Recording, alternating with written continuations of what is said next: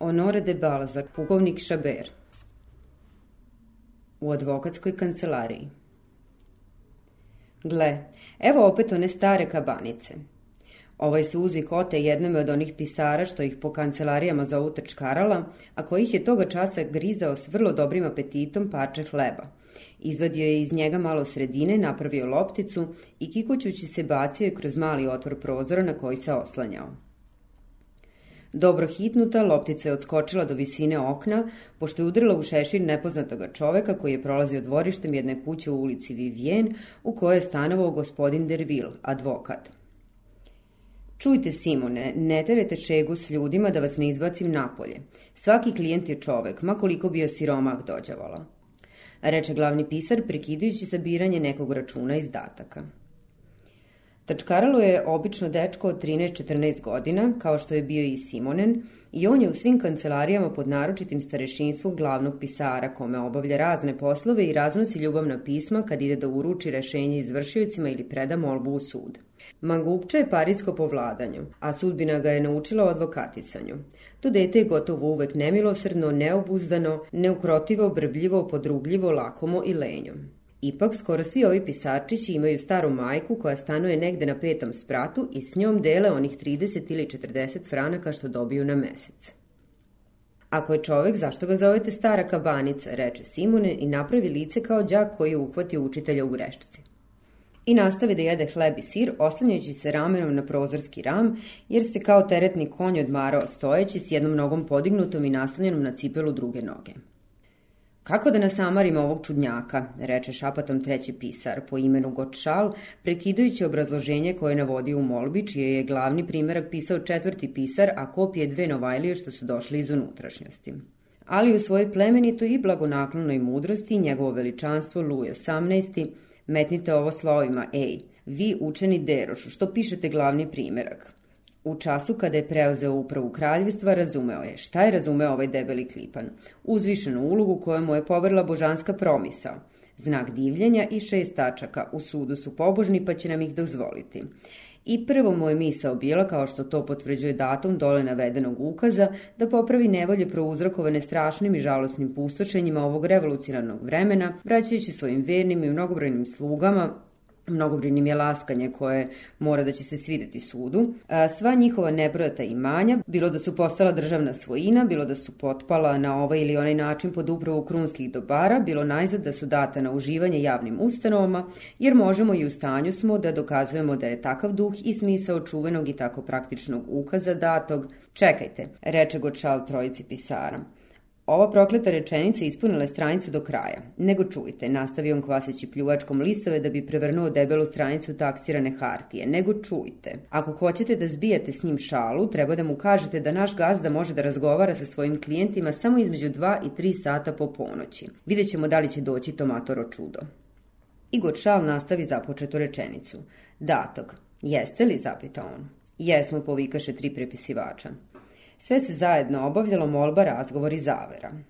Datog. Jelčića Bukare, od kojeg ono datuma beše ukaz?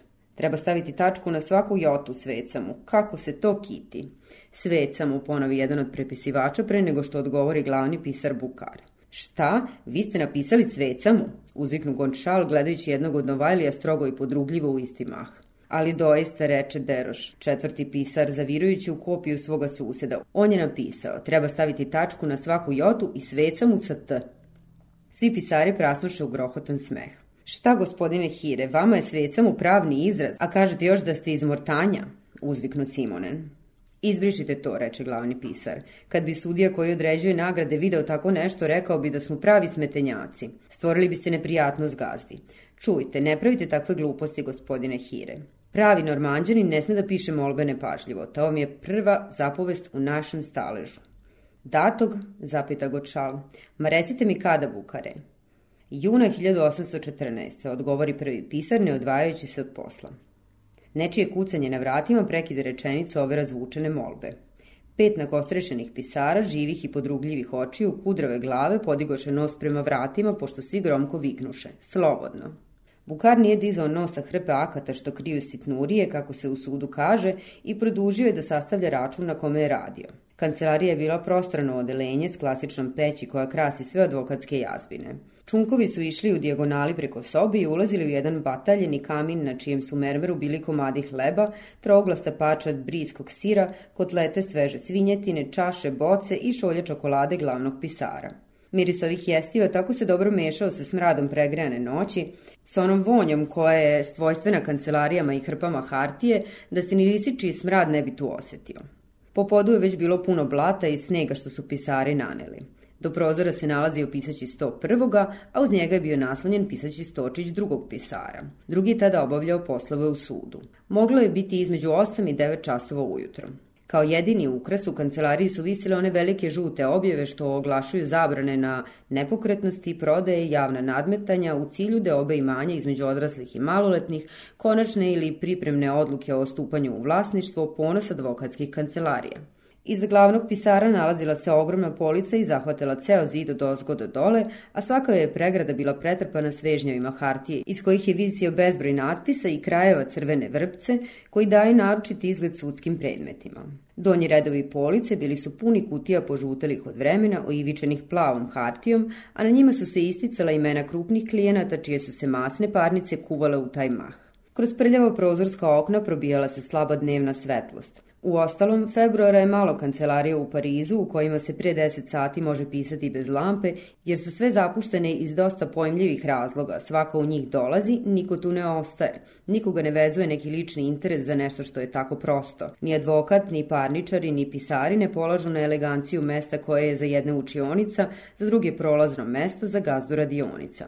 Zamazani nameštaj prenosi se s jednog advokata na drugog s takvom pobožnošću da pojedine kancelarije imaju kutiju za stara akta, pergamenske korice, kartone naslađene od negdašnjih advokata prišleo, kako se skraćivala reč šatle, ustanova koja je u stara vremena bila ono što je danas prvostepeni sud. I ova mračna kancelarija koji je popao debeo sloj prašine, imala je dakle, kao i sve druge, nečega odvratnog za parničare, nečega što je pravilo jednom od najgnusnijih parijskih čudovišta. Doista, kad ne bi bilo vlažnih kapela u kojima se molitve mere i prodaju kao mirođije, kad ne bi bilo telalnica u kojima se njišu prnje što ubijaju sve životne iluzije, otkrivajući kako nam se završavaju naše radosti, kad ne bi postojala ova dva nužnika poezija advokatska kancelarija, bila bi najgroznija od svih društvenih dućana. A isti je slučaj s kockarnicom, sudom, prodavnicom srećaka i javnom kućom. Zašto? Možda zato što se na tim mestima drama odigrava u duši čoveka koji je onda ravnodušan na sve ono što je sporedno, a to bi takođe objasnilo skromnost velikih mislilaca i velikih pregalaca. Gde mi je nožić? Doručkujem. Bestraga, evo jedna krmača na molbi. Pst, gospodo, Ovi razni uzvici odjeknuše zajedno baš u trenutku kad je stari parničar zatvorio vrata sa onom poniznošću koja ostavi trag na celom držanju nesrećnih ljudi. Nepoznati pokuša da se osmehne, ali mu mišići na licu olabaviše kad ne otkrini najmanjeg znaka ljubaznosti na licima šestorice neumoljivo bezbrižnih pisara. Naviknut svakako da procenjuje s kim ima posla, on se vrlo učtivo obrati trčkaralu u nadi da će mu taj paćenik blago odgovoriti. Gospodine, da li mogu videti vašeg gazdu? Nestašni trčkaralo, mesto da odgovori jadniku, poče da prstima leve ruke udara polako po uhu kao da će da kaže gluv sam. Šta želite, gospodine, zapita Godšal, a govoreći to gutao je zalogaj hleba kojim bi se mogao napuniti neki laki top, razmahivao je nožem i prekrštao nogu preko noge tako da mu je vrh jedne dopirao do visine oka. Peti mi je put, gospodine, što dolazim ovde, odgovori grešnik. Želim da govorim s gospodinom Dervilom. Je li poslovno? Jeste, ali mogu da objasnim samo gospodinu o čemu se radi. Gazda spava, a ako želite njegovo mišljenje o nekom spornom pitanju, on radi ozbiljno tek od ponoći. Ali ako biste hteli da nam izložite što imate, mi bismo mogli isto kao i on da vam nepoznati ne trepnu ni okom. Poče da se pažljivo obazira oko sebe kao pas koji se boji udarca kada se ušunja u tuđu kuhinju. Pod okriljem svoga položaja pisari se ne plaše nikad lopova. Oni zato i ne posumnjaše u čoveka s kabanicom i puštiše ga da razgleda prostoriju u kojoj je uzelo tražio gde bi seo da se odmori jer se videlo da je umoran. Po pravilu advokati ostavljaju malo stolica u svojim kancelarijama. Sitni klijenti, kad ne mogu da stoje na nogama, odu s gunđanjem, ali ne oduzimaju ono vreme koje se po rečima jednog starog advokata ne može honorisati. Gospodine, odgovori on, imao sam već čas da vas obavestim da svoj slučaj mogu objasniti samo gospodinu Dervilu, čekaću dok ne ustane. Bukar beše završio sa sabiranjem. Osetivši u taj mah miri svoje čokolade, usade spletene fotelje, priđe kaminu, premeri starca, pogleda mu kabanicu i napravi tako kiselo lice da se to ne može opisati.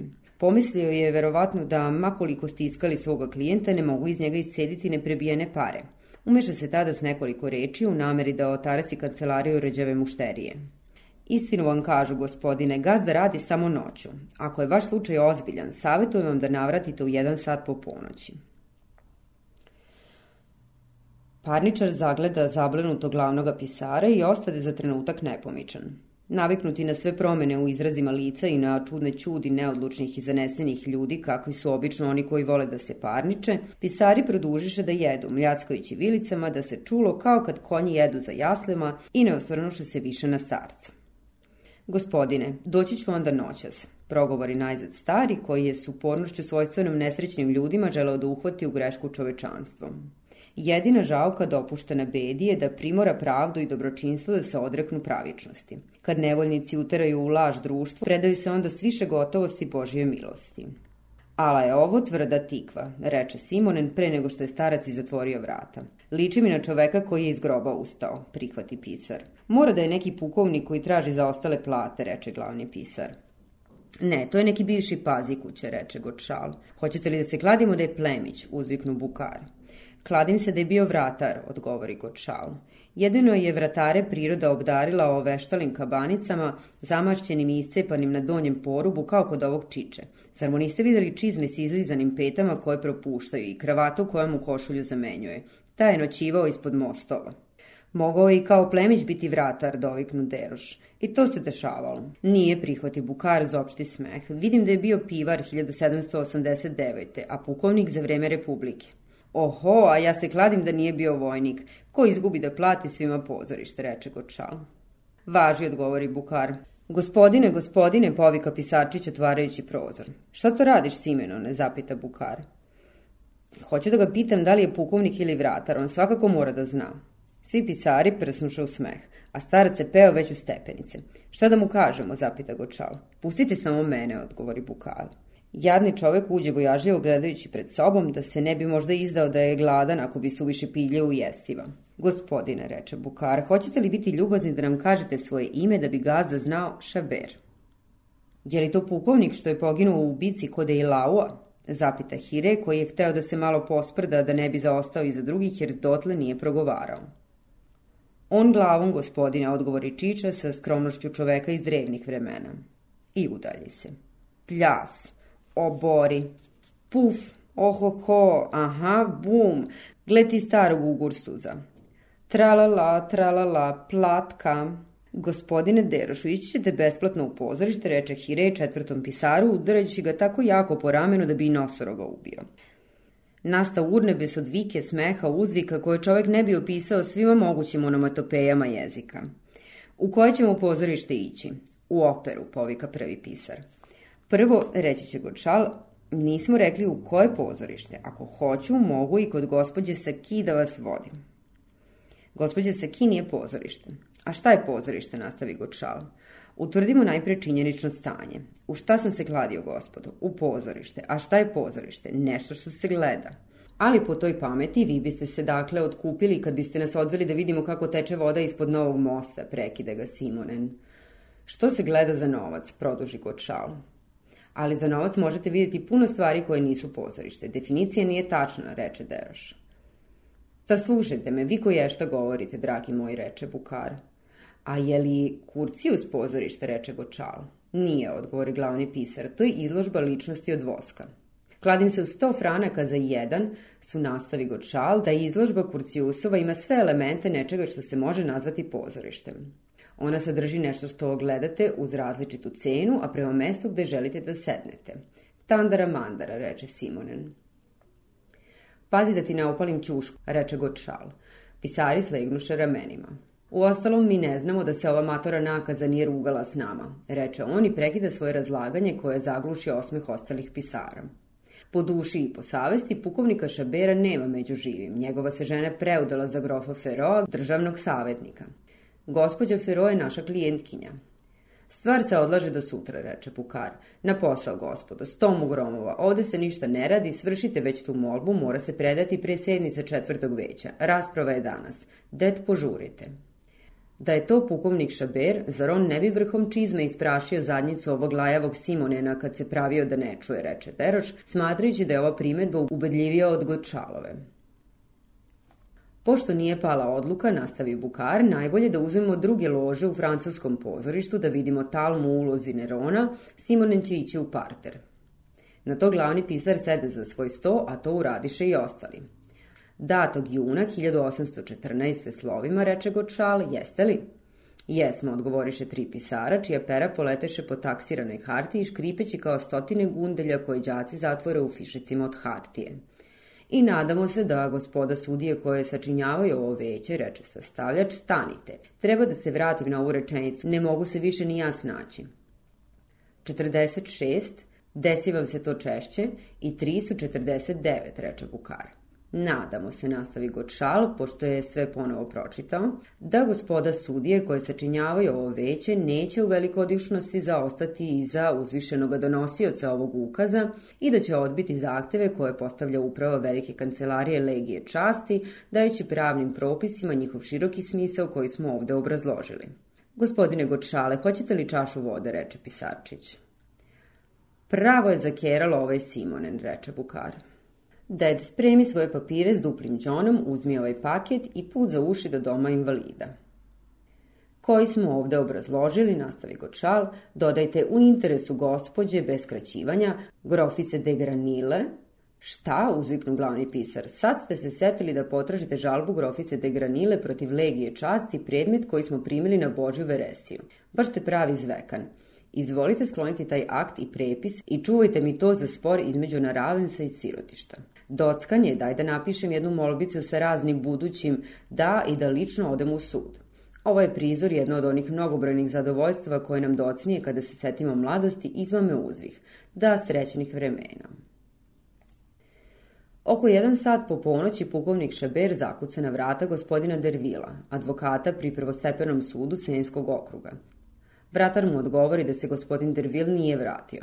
Starac se pozva na zakazani sastanak i pope se kod tog slavnog pravnika koji je, iako mlad, važio kao jedan od najjačih ljudi u sudu. Pošto je zazvonio, nepoverljivi parničar prilično se začudi kada vide prvog pisara kako ređa po trepezarijskom stolu svoga starešine mnogobrojne spise predmeta koji su sutradan bili na dnevnom redu. Pisar, koji se isto tako začudio, pozdravi pukovnika i zamoli ga da sedne, što parničar i uradi. Pravo da vam kažem, gospodine, mislio sam da ste se juče šalili kada ste mi rekli da ovako podranim na ovo savetovanje, reče starac s usiljenom veselošću upropašćenog čoveka koji bi hteo da se osmehne. Pisari su se i šalili i govorili istinu, odgovori prvi pisar i produži svoj posao. Gospodin Dervil je izabrao ovo vreme da proučava sporove, da nalazi put i način za njihovo vođenje, da sprema njihovu odbranu. Njegova izvanredna inteligencija slobodnija je u ove sate, kad jedino ima mir i spokojstvo koji su potrebni za rađanje dobrih ideja. Otkad je postao advokat, vi ste treći čovek koji dolazi za pravni savet u ovo doba noći. Pošto se vrati, on prouči svaki predmet, sve pročita, provede možda 4-5 sati za poslom. Zatim mi zazvoni i objasni kako misli da postupi. Danju od 10 do 2 prima klijente, pa onda ide na zakazane sastanke. Uveče kreće se u društvu da bi razvio svoje veze. Ostaje mu dakle noć da se udubi u sporove, da razmrsi splet zakonskih propisa i spremi ratne planove. On neće da izgubi ni jednu parnicu iz ljubavi prema svom pozivu. Ne prima kao druge kolege koji mu drago posao. Takav je eto njegov život koji je neobično ispunjen, zato on i zarađuje mnogo novaca. Dok je slušao ovo objašnjenje, starac nije reči progovorio, a njegovo čudno lice dobi tako tup izraz da se pisar, pošto ga je pogledao, nije više ni okrenuo na njega. Malo iza toga pojavi se Dervil u večernjem delu. Pisar mu otvori vrata i produži da sređuje spise. Mladi advokat osta začas zabezeknut kad nazira u polumraku čudnog klijenta koji je čekao. Pukovnik Šaber bio je savršeno nepomičan kao neka ličnost od voska s kurciosove izložbe na koju je Gočal hteo da odvede svoje drugove. Možda ta nepomičnost i ne bi toliko zaprepastila da ona nije dopunjavala čudesni izgled koji je pružala cela njegova ličnost. Stari vojnik bio je suv i mršav. Njegovo čelo, namerno skriveno ispod glatke kose na vlasulji, davalo mu je neki tajanstveni pogled. Neka providna pega kao da mu se prevukla preko očiju, rekli biste da se to neki prljavi sedev plavkasto preliva na svetlosti sveća. Njegovo lice, bledo, modro, kao olovo, a oštro kao nož, a ako je dozvoljeno poslužiti se tim prostim izrazom, izgledalo je kao u mrtvaca. Oko vrata bila je stegnuta neka bedna kravata od crne svile. Njegovo telo, počevo od tamne linije koje je ocrtavao taj dronjak, tako se gubilo u pomrčini da bi čovek žive mašte pomislio da je ta stara glava neka silueta koju je slučaj sazdao ili kakav Rembrandtov potez bez rama. Obod šešira koji je pokrivao starčevo čelo bacao mu je crnu prugu na donji deo lica. Ova čudna, mada prirodna pojava isticala je naglim kontrastom bele ledene vijuge, bezbojni izraz ovog mrtvačkog lika. A odsustvo svakog pokreta na celom telu, svake topline u pogledu, slagalo se s izvesnim izrazom setnog ludila, sa onim ponižavajućim znacima koji karakterišu idiotizam i davalo ovom liku neki porazan izgled koji se ljudskom reči ne može opisati ali bi dobar posmatrač, naročito advokat, otkrio povrh toga u ovom smrvljenom čoveku i tragove duboke tuge, znake bede koje je unakazila ovo lice, kao što kapi koje s neba padaju iskvare vremenom lepi mermer. Lekar, pisac, sudija nasludili bi čitavu jednu dramu kad bi zagledali ovu uzvišenu grozotu koja je najmanje što se o njoj može reći ličila na one umetnikovom maštom izmišljene likove što ih slikari crtaju dok s prijateljima razgovaraju pri dnu litografskih ploča. Kad ugleda advokata, nepoznatom čoveku zaigra grč na licu, slično pesniku koga iznenadni šum prene iz plodnog sanjarenja u srednoćne tišine. Starac brzo skide šešir i ustade da pozdravi mladog čoveka. Koža na unutrašnji strani šešira bila je svakako vrlo masna, vlasulja se prilepi za njega da to starac i ne primeti i otkri strašnu unakaženu lobanju koji je poprečno presecao ožiljak u vidu ispupčenog šava, od zatiljka sve do desnog oka. Bilo je tako strašno videti ovu naprslu lobanju da kad se naglo podiže vlasulje koje je jadni čovek nosio da sakrije svoju ranu, dva pravnika ne dobiše nikakve volje da se nasmeju. Prva misa koju je budio izgled ove rane bila je ovuda je izvetrila inteligencija. Ako ovo i nije pukovnik Šaber, mora da je neki prekaljeni ratnik, pomisli Bukar. Gospodine, obrati mu se Dervijel, s kim imam čas da govorim? Sa pukovnikom Šaberom. Kojim? Sa onim što je poginuo na Eilau. Odgovori starca. Na ove čudne reči pisar i advokat se zagledaše kao da su hteli reći ova je lud. Gospodine, prihvati pukovnik, želeo bih samo vama da poverim tajnu svoga života. Vredno je ovde istaći da su advokati po prirodi neustrašivi. Bilo što primaju velik broj ličnosti, bilo što duboko osjećaju zaštitu koju im zakoni pružaju, bilo iz vere u svoj poziv, oni ulaze svuda bez ikakva straha kao sveštenici i lekari. Dervil dade znak Bukaru i on se udalji.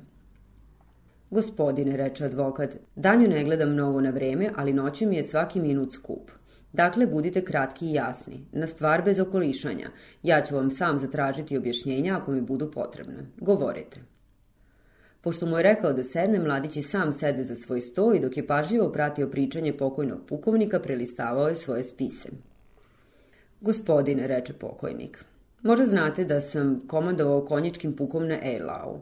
Mnogo sam doprineo uspehu čuvenog juriša koji je izvršio mira i koji je odlučio bitku. Na nesreću za mene, moja pogibija je istorijska činjenica zabelažena u pobedama i osvajanjima gde je podrobno ispričana. Prestigli smo tri ruske borbene linije koje su se ponovo sastavile i premorale nas da ih opet probijemo u suprotnom pravcu. Kad smo se vraćali imperatoru, pošto smo rastorili Ruse, sreo sam odredne prijateljske konjice – Jurnuo sam na ta zadrta stvorenja. Dva ruska oficira, dva prava džina, napadoše me u isti mah. Jedan me mlatnu sabljom po glavi, preseče mi sve, čak i jednu crnu svilenu kapu koju sam nosio pod šlemom i otvori mi duboku ranu na lobanji. Pao sam s konja, Mira je doletao u pomoć, prešao mi preko tela sa svim svojim ljudima, njih 1500, samo toliko. Obavestili su imperatora o moj pogibi, a on je iz obazrivosti, voleo me pomalo gospodar, hteo da se uveri da li bi se što moglo preduzeti da se spase čovek koji ga je zadužio onim snažnim napadom. Da bi me pronašli i preneli u bolnicu, poslao je dva hirurga i rekao im, možda i suviše nemarno, jer je imao posla, pogledajte da nije slučajno u životu moj jadni šaber. Ovi prokleti kasapi koji su pre toga videli kako su me pregazili konji čitava dva puka, nisu mi svakako puls opipali i izjaviše da sam odista mrtav. Moja umrlica bila je dakle sastavljena po svim vojnim propisima. Slušajući svog klijenta koji se savršeno jasno izražava i izlaže tako verodostojne iako čudne činjenice, mladi advokat ostavi spise, nalakti se levom rukom na sto, nasloni na nju glavu i pogleda pukovnika pravo u oči. Znate li, gospodine, upade mi on u reč, da sam ja advokat gospođice Fero, udovice pukovnika Šabera. Moje žene, znam, gospodine, pošto sam se bez ikakva uspeha obraćao tolikim pravnicima koji su me svi do jednog smatrali za ludaka, rešio sam se baš vas da potražim. Docnije ću vam govoriti o svojim nedaćama. Dozvolite da vam najpre izložim činjenice, bolje reći da vam objasnim kako su se one morale desiti, a ne kako su se desile. Jedino su gospodu Bogu poznate izvesne okolnosti i od njih neke moram izneti kao pretpostavke. Elen, gospodine, rane koje sam zadobio verovatno su izazvale tetanus ili su pak prouzrokovale krizu sličnu onoj bolesti koju zovu, mislim, katelepsija. Može li se inače razumeti da su mi, kako se to običava u ratu, oni koji sahranjuju poginule svukli odelo i bacili me u vojničku raku? Dozvolit ćete da ovde iznesem jednu pojedinost za koju sam doznao tek posle događaja koji se zbilja mora nazvati mojom smrću. Našao sam se 1814. u Štutgartu s jednim bivšim podoficirom iz svog puka. Taj dragi čovek, jedini koji je hteo da me pozna i o kome ću vam malo docnije govoriti, objasnio mi kojim sam čudom ostao u životu, rekavši mi da mi je konja zahvatilo đule baš kad sam i ja bio ranjen. I konj i konjanik su se dakle srušili kao fišeci od hartije. Kad sam se preturio bilo na desnu, bilo na levu stranu, konj me je bez sumnje pokrio svojim telom, koje je čuvalo da me ne pogaze drugi konji i ne pogode đulad. Kad sam došao k sebi, gospodine, bio sam u takvom položaju i u takvoj atmosferi da vam ih ne bi mogao predstaviti i kad bih do sutra pričao. Ono malo vazduha što sam udisao bilo je kužno. Hteo sam da mrdnem, a nije bilo mesta. Kad sam otvorio oči, nisam ništa video. Najveća opasnost bila je nedostatak vazduha i to mi je najbolje razjasnilo moj položaj. Bilo mi je jasno da se tu gde se nalazim vazduh ne obnavlja i da ću brzo umreti. Na tu misao nestade neizrecivog bola koji me je probudio. U ušima mi je žestoko tutnjalo. Čuh ili mi se čini da čuh, neću ništa da tvrdim, stenjanje iz one gomile leševa usred koje sam ležao. Iako su ti trenuci zamračeni, iako su moja sećanja maglovita, upreko oštrih bolova koje sam osjećao i koji su mi pomutili misao, ima noći kad mi se čini da još čujem te prigušene uzdahe ali jezivija od tih jeceja bila je ona tišina na koju nigde drugo nisam naišao, prava grobna tišina. Najzad pomerajući ruke, pipajući mrtvace, naiđu na jednu prazninu između svoje ruke i ljudske truleže iznad sebe. Mogao sam dakle da izmerim prostor koji mi je ostao nekim slučajem, čiji mi je uzrok bio nepoznat. Zahvaljujući nemarnosti ili žurbi s kojom su nas nabacali, izgleda da su se dva mrtvaca ukrstila više mene i napravila ugao sličan onome koji naprave dve karte kad ih deca sastave da polože kućne temelje. Tragajući brzo, jer se nije smelo gubiti vreme, napipao sam srećom jednu ruku koja se nije držala ni za šta, ruku nekog Herkula. Dobru jednu koščurinu koju imam da zahvalim za svoje spasenje.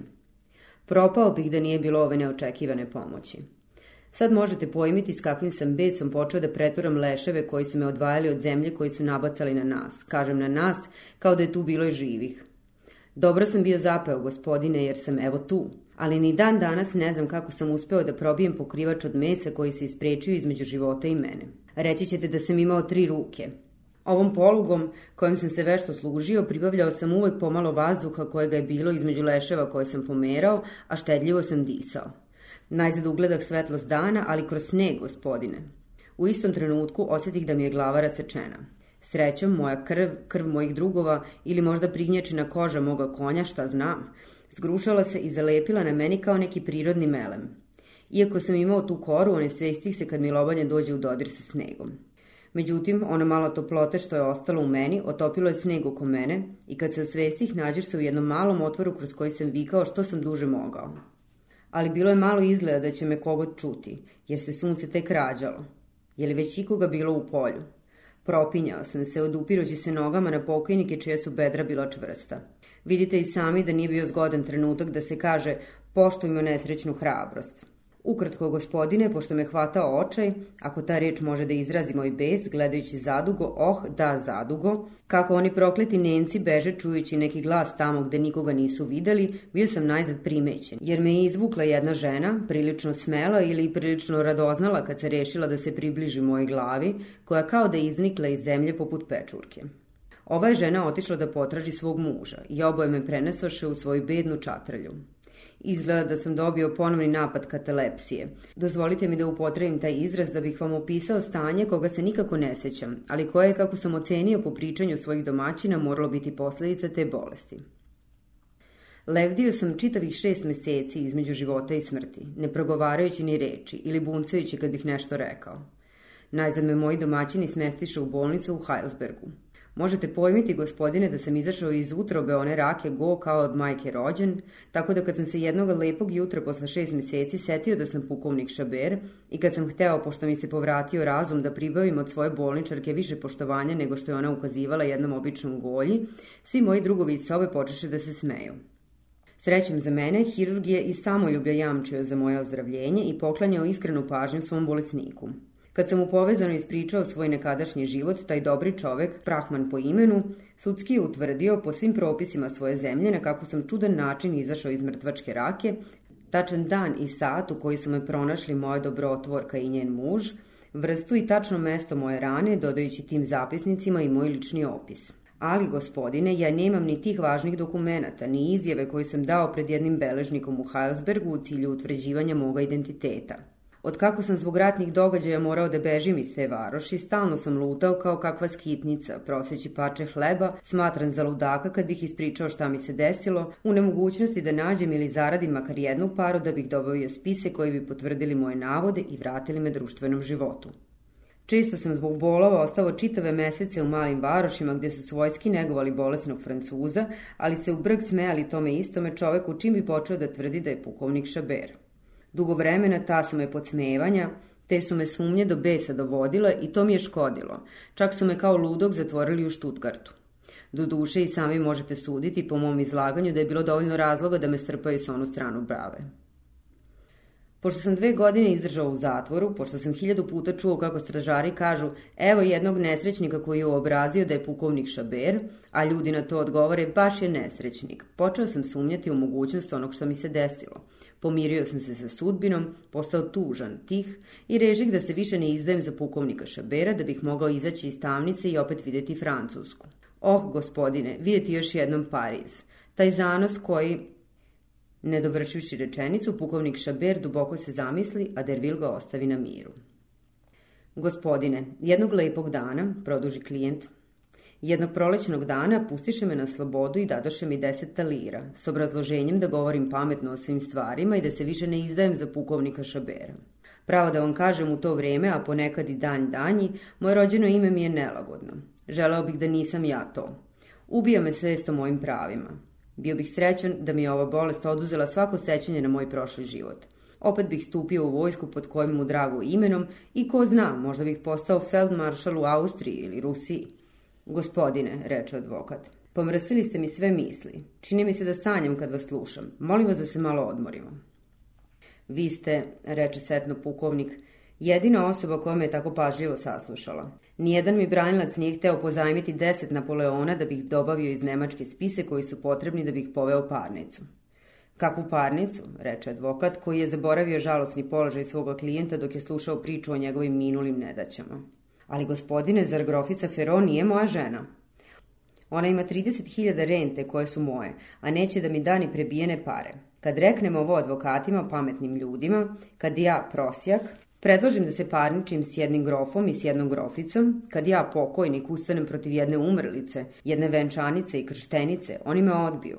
Svaki prema svojoj naravi, bilo skladnom učitivošću kojom vi, advokati, već umete da se otarasite jednog nesrećnika, bilo na grub način, kao ljudi koji misle da imaju posla s kakvim spletkarošem ili ludakom.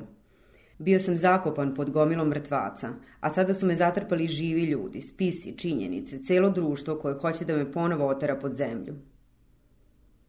Gospodine, izvolite sada produžite, reče advokat. Izvolite, uzviknu nesrećni starac i uze ruku mladog čoveka.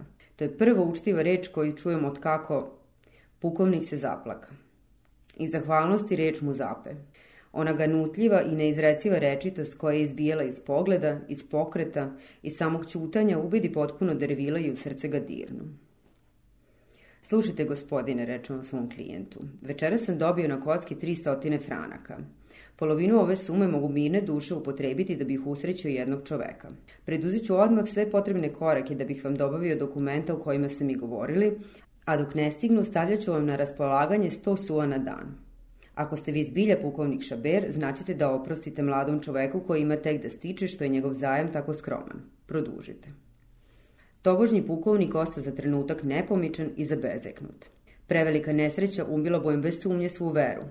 Što je on želeo da pronađe svoju vojničku slavu, svoje imanje, samog sebe, to se i on možda odazvao onom neobjašnjavom osjećanju koje se zameće u srcima svih ljudi, a kome imamo da zahvalimo za istraživanje alhemičara, za žudnju za slavom, za pronalaske iz astronomije, iz fizike, za sve ono što postiče čoveka da postane veći, umnažavajući se preko činjenice i ideja. U njegovim mislima, ego je bio predmet od sporednog samoznačaja kao što taština zbog trijumfa ili zadovoljstva zbog dobiti omile onom koji se kladi više na sami predmet opklade. Reči mladog advokata bile su daleke kao neko čudo za ovog čoveka, koga su čitavih deset godina odbacivali žena, pravda, ceo društveni sklop. Naći kod advokata ovih deset zlatnika koji mu je toliko vremena odbijalo da dadne toliko osoba i na toliko razne načine. Pukovnik je ličio na onu gospođu koja je, pošto imala groznicu čitavih 15 godina, poverovala da je dobila drugu bolest onog dana kad je ozdravila. Ima blaženstvo u koje čovjek više ne veruje. A ona naiđu kao grom sprže vas. Zato je zahvalnost ovog jadnog čoveka bila toliko iskrena da je nije mogao izraziti. Površnim ljudima učinilo bi se da je hladan, ali Dervil nasluti sve poštenje koje je krila ta njegova preneraženost. Varalica bi otvorio usta. Gde sam ono stao? Reče pukovnik s bezazlenošću deteta ili vojnika, jer ima često nečeg detinjeg u pravom vojniku, a dete gotovo uvek voli da bude vojnik, naročito u Francuskoj. U Štutgartu. Izlazili se iz zatvora, odgovori advokat. Poznajete li moju ženu? zapita pukovnik. Da, odgovori Dervil klimnuši glavom. Kako izgleda sada? Divna je kao i uvek. Starac odmahnu rukom, a videlo se da savlađuje neki potajni bol sa onom ozbiljnom i svečanom pomirenošću sa sudbinom koja odaje ljude prekaljene u krvi i vatri ratnih okršaja. Gospodine, reče on nekako veselo, jer je odahnuo jadni naš pukovnik, po drugi put se dizao iz groba, otopio mu se sada sloj snega čvršći nego onaj koji mu je nekad bio sledio glavu, a udisao je vazduh kao da izlazi iz tamničke ćelije. Gospodin, reče on, Da sam bio neki lepota, ne bi me snašla ni jedna od ovih nesreća. Žene veruju ljudima kod su im rečenice začinjene rečiju ljubav. Tad one kaskaju, idu, trče vrata, slome, prave spletke, jamče, šta sve ne rade za onoga kojim se dopada. A kako ja da pobudim pažnju neke žene? Imao sam mrtvačko lice, bio sam obučen kao neki golja. Ličio pre na nekog eskimana na Francuza i to ja koji sam nekad 1799. važio za najlepše kicoša. Ja, Šaber, grof iz doba carstva. Elem onog istog dana, kad me izbaciše na ulicu kao psa, sreo sam onog podoficira o kome sam već govorio. Taj drug se zvao Buten. Taj ubogi đavo pravio je sa mnom zajedno najlepši par raga koji sam ikada video. Primetio sam ga na šetalištu. Ja sam ga poznao, a on nije mogao nikako da pogodi kosam. Usta mu se razjapiše od grohotnog smeha kao prangija kad pukne. Taj smeh me, gospodine, do srca zabole. On mi je bez ikakvih ulepšavanja otkrio koliko sam se izmenio. Čak ni oko najpoznatijeg i najzahvalnijeg prijatelja. Nekada sam spasao život Butenu, ali je trebalo da mu dam priliku da mi se oduži. Neću vam ispričati kako mi je napravio tu uslugu. Bilo je to u Italiji u Raveni. Kuća u kojoj mu Buten spasao da ne bude množen proboden nije bila jako pristojna. U to doba nisam bio pukovnik, bio sam prost konjanik, kao Buten. Srećom, s tim su događajem bile povezane neke pojedinosti za koje smo samo nas dvojica mogli znati i kad ga podsjetih na njih, nepoverenje mu se smanji. Zatim mu ispričak čudne doživljaje svoga života. Mada mi je rekao da su mi oči i glas neobično izmenjeni, iako nisam više imao ni kosa, ni zuba, ni obrva i bio beo kao ovca, on najzad otkri svoga pukovnika u prosjaku posle hiljadu zapitkivanja na koje sam pobednički odgovorio. I on mi ispriča svoje doživljaje, a nisu bili manje čudni od mojih. Dolazio je od nekud s granice Kine, koji je hteo da se prebaci pošto je umakao iz Sibira. Od njega sam doznao za naš poraz u Rusiji i za prvu Napoleonovu abdikciju. Ta vest me je porazila kao redko šta u životu. Mi smo bili dve zanimljive olupine koje su se pre toga kotrljale po zemljinoj kugli kao što se u okeanu kotrlja šljunak koji nosi bura od jedne obale do druge. Nas dvojica smo videli Egipat, Siriju, Španiju, Rusiju, Holandiju, Nemačku, Italiju, Dalmaciju, Englesku, Kinu, Tatarsku, Sibir, Trebalo nam je samo da odemo u Indiju i Ameriku. Da ne dužim, pošto je bio lakši na nogama od mene, Buten uze na sebe da ode u Pariz i obavesti moju ženu u kakvom sam stanju. Napisa gospođi Šeber jedno vrlo opširno pismo. Bilo je to četvrto po redu, gospodine. Da sam imao roditelje, ništa se od toga možda ne bi desilo. Ali ja sam nahoče vojnik kome hrabrost bila sva babovina, porodica ceo svet, otačbina Francuska, zaštitnik samo dobri bog. Varam se, imao sam oca, cara, Ah, da je živ taj dragi čovek i da vidi svoga šabera, tako me on zvao, u sadašnjem stanju, mom bi se razbesneo. Šta ćete? Sunce nam je zašlo, svima nam je sada hladno. Na kraju krajeva ćutanje moje žene moglo se opravdati i političkim događajima. Buten ode. Srećan je on bio. Imao je dva bela medveda savršeno izučena koji su ga hlebom hranili. Ja mu se nisam mogao pridružiti, bolovi mi nisu davali da duže pešačim. Zaplakao sam se gospodine kad smo se rastali, pošto sam s njegovim medvedima i s njim izdržao na putu koliko je bilo u mojoj moći. U Karlsruhu dobih neuralgične bolove u glavi i ostak šest nedelja na slami u jednoj krčmi. Nikad ne bih završio, gospodine, kad bih morao da vam pričam o svim nesrećama svoga prosjačkog života. Moralne patnje, pored kojih blede fizički bolovi, izazivaju ipak manje sažaljenja jer ih niko ne vidi.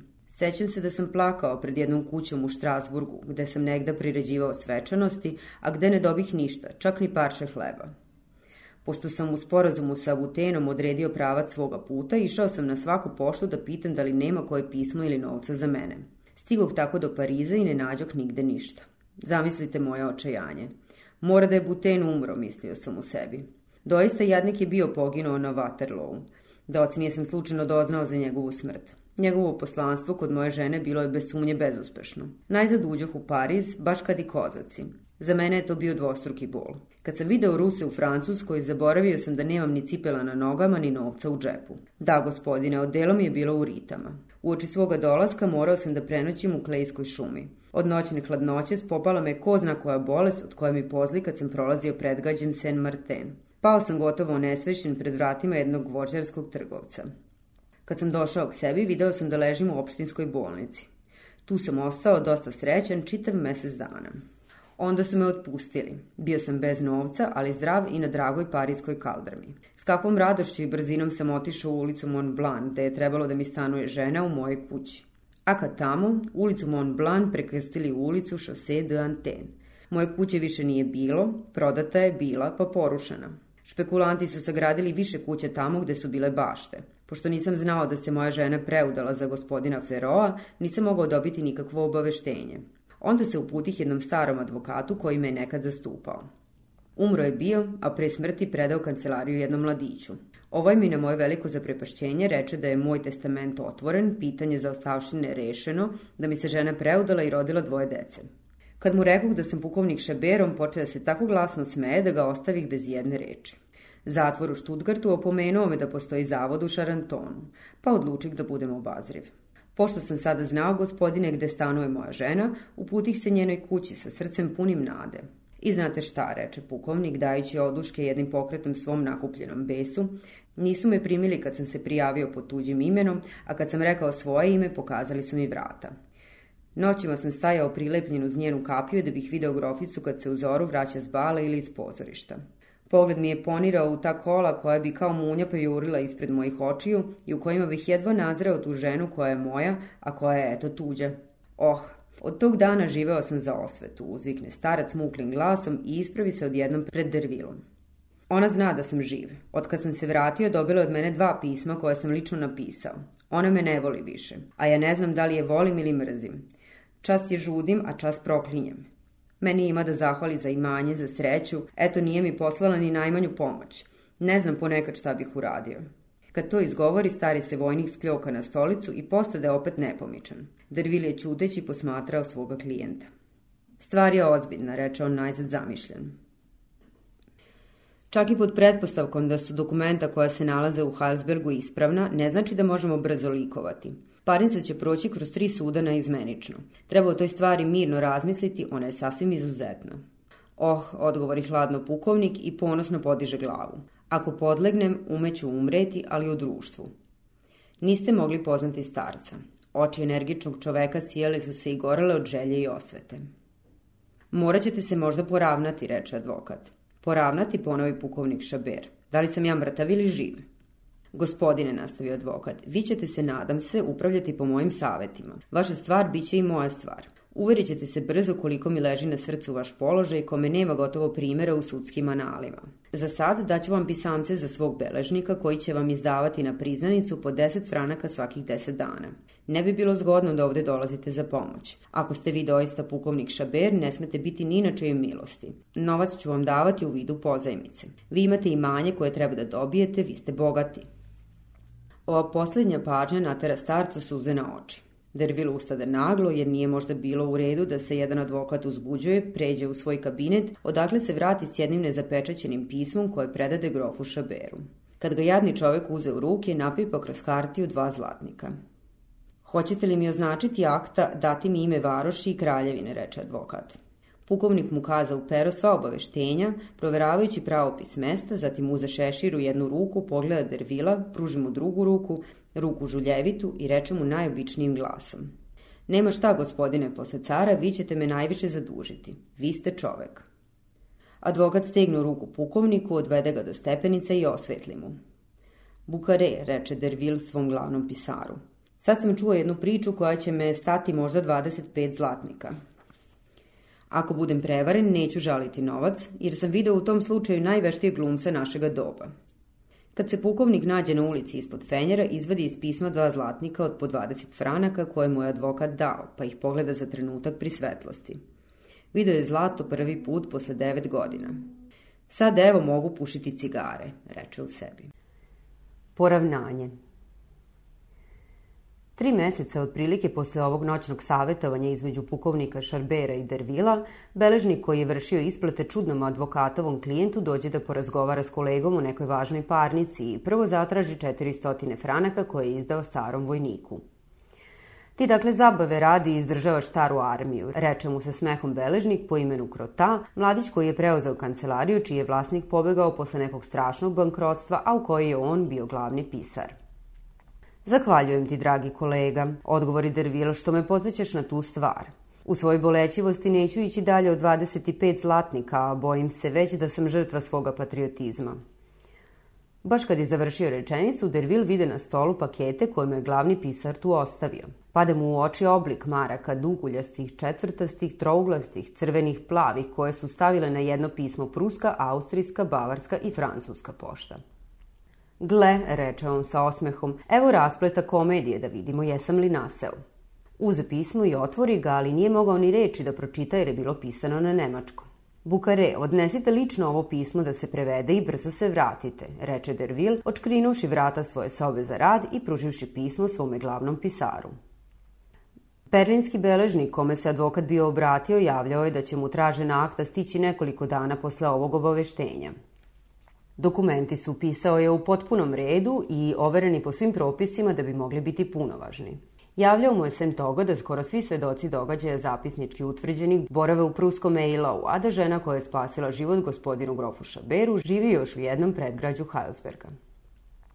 Ovo postaje ozbiljno, uzviknu Dervil, kad mu je Bukar ukratko izložio sadržinu pisma. Nego čuj, dragi moj, nastavio on obraćajući se beležniku. Biće mi potrebna izvesna obaveštenja koja ću svakako naći u tvojoj kancelariji. Mislim da se kod one stare lopuže Rogena Mi kažemo nesrećnog jadnog rogena, upade se smekom beležnik Aleksandar Krota i prekide Dervila. Mislim da se kod tog nesrećnika koji je odneo svojim klijentima 800.000 franaka i bacio u očajanje nekoliko porodica izvršila likvidacija Šaberove za ostavštine. Čini mi se da sam to video u aktima porodice Fero koja su kod nas.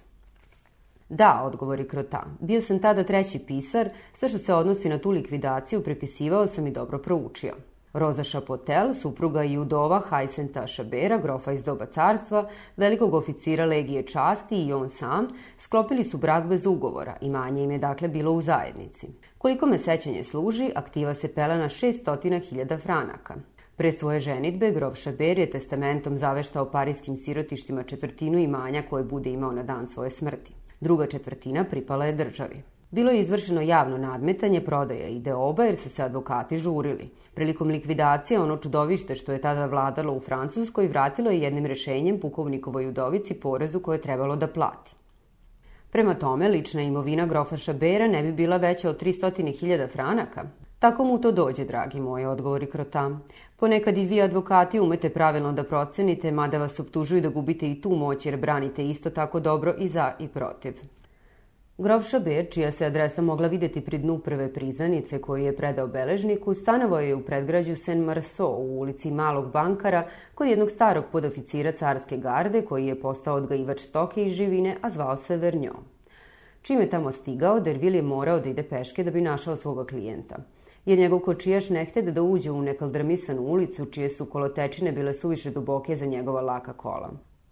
Obzirući se na sve strane, advokat nađe najzad u onom delu ulice koji se graničio s bulevarom između dva zida podignuto od šuta i zemlje, dva slaba četvrta sa stuba od sitnog kamena koja su kola u prolazu krnjila, iako su kao zaštita bile postavljene dve cepanice. Na stubovima se naslanjala jedna greda s nasrešnicom od crepova na kojoj su bile ispisane crvenim slovima ove reči – Vernjo, odgajivač stoke i živine. Desno od imena bila su naslikana jaja, levo krava i jedno i drugo belom bojom. Vrata su bila otvorena svakako po ceo dan. U dnu dosta prostranog dvorišta nasprem vrata nalazila se kuća, ako se tako može nazvati jedna od onih straćara kakvih ima po parijskim predgrađima, a koje se ne mogu ni sa čim porediti, čak ni s onim najtrošnijim seoskim čatrljama na koje podsjećaju po bedi, ali ne po poeziji. Zbilja usred polja kolibe i sad imaju izvesnu ljubkost koju im daje čist vazduh, zelenilo, njive, kakav brežuljak, neki krivudavi put, loze, živa ograda, mahovina na slavnom krovu i poljski alati. A u Parizu bedu uvećava još više njena rugoba. Iako nedavno sagrađena, izgledalo je da je ova kuća sklona padu. Njena građa nije bila naročito poručivana, sva je bila s onih kuća koje se svakodnevno ruše u Parizu. Dervil pročita na jednom prozorskom kapku napravljenom od dasaka neke firme. Radnja noviteta. Prozori nisu ličili jedni na drugi i bili su čudno razmešteni. Prizemlje u kome se izgleda stanovalo bilo je uzdignuto s jedne strane, dok s druge strane sobe su bile zaklonjene humkom zemlje. Između vrata s natpisom i kuće pružala se bara puna đubreta u kojoj su se slivale kišnice i pomije. Zid na koji se naslanjao taj bedni stan izgledao je čvršći od ostalih i uz njega su bili poređani kavezi s rešetkama u kojima su se kotili pravi zečevi. Desno od široke kapije bila je staja za krave, a nad njom tavan sa senom. Levo se nalazio živinarnik, konjušnica i svinjac, koji je kao i kućni krov bio načinjen od slabih dasaka, od mekog drveta prikovanih jedna na drugu i rđavo prekrivenih trskom. Kao gotovo svuda gde se pripremaju razni delovi velikog obroka koji Pariz svakodnevno proždare i u dvorištu u koje je kročio Derville osjećali su se tragovi žurbe izazvane potrebom da se stigne na vreme. One velike, ulupljene limene kante u kojima se raznosi mleko i lonci za krem bili su razbaceni ispred mlekarnika zajedno sa zapušačima od platna. Podarane krpe kojima su ih brisali lepršale su se na suncu, prostrte na kanapu koji je bio privezan za motke. Jedan mirni konj, kakvog samo mlekađije imaju, odmakao je bio nekoliko koraka ispred svojih kola i zastao pred konjušnicom, čija su vrata bila zatvorena. Jedna koza brstila je lišće skržljave i prašnjave loze koja je prekrila žuti i ispucani kućni zid.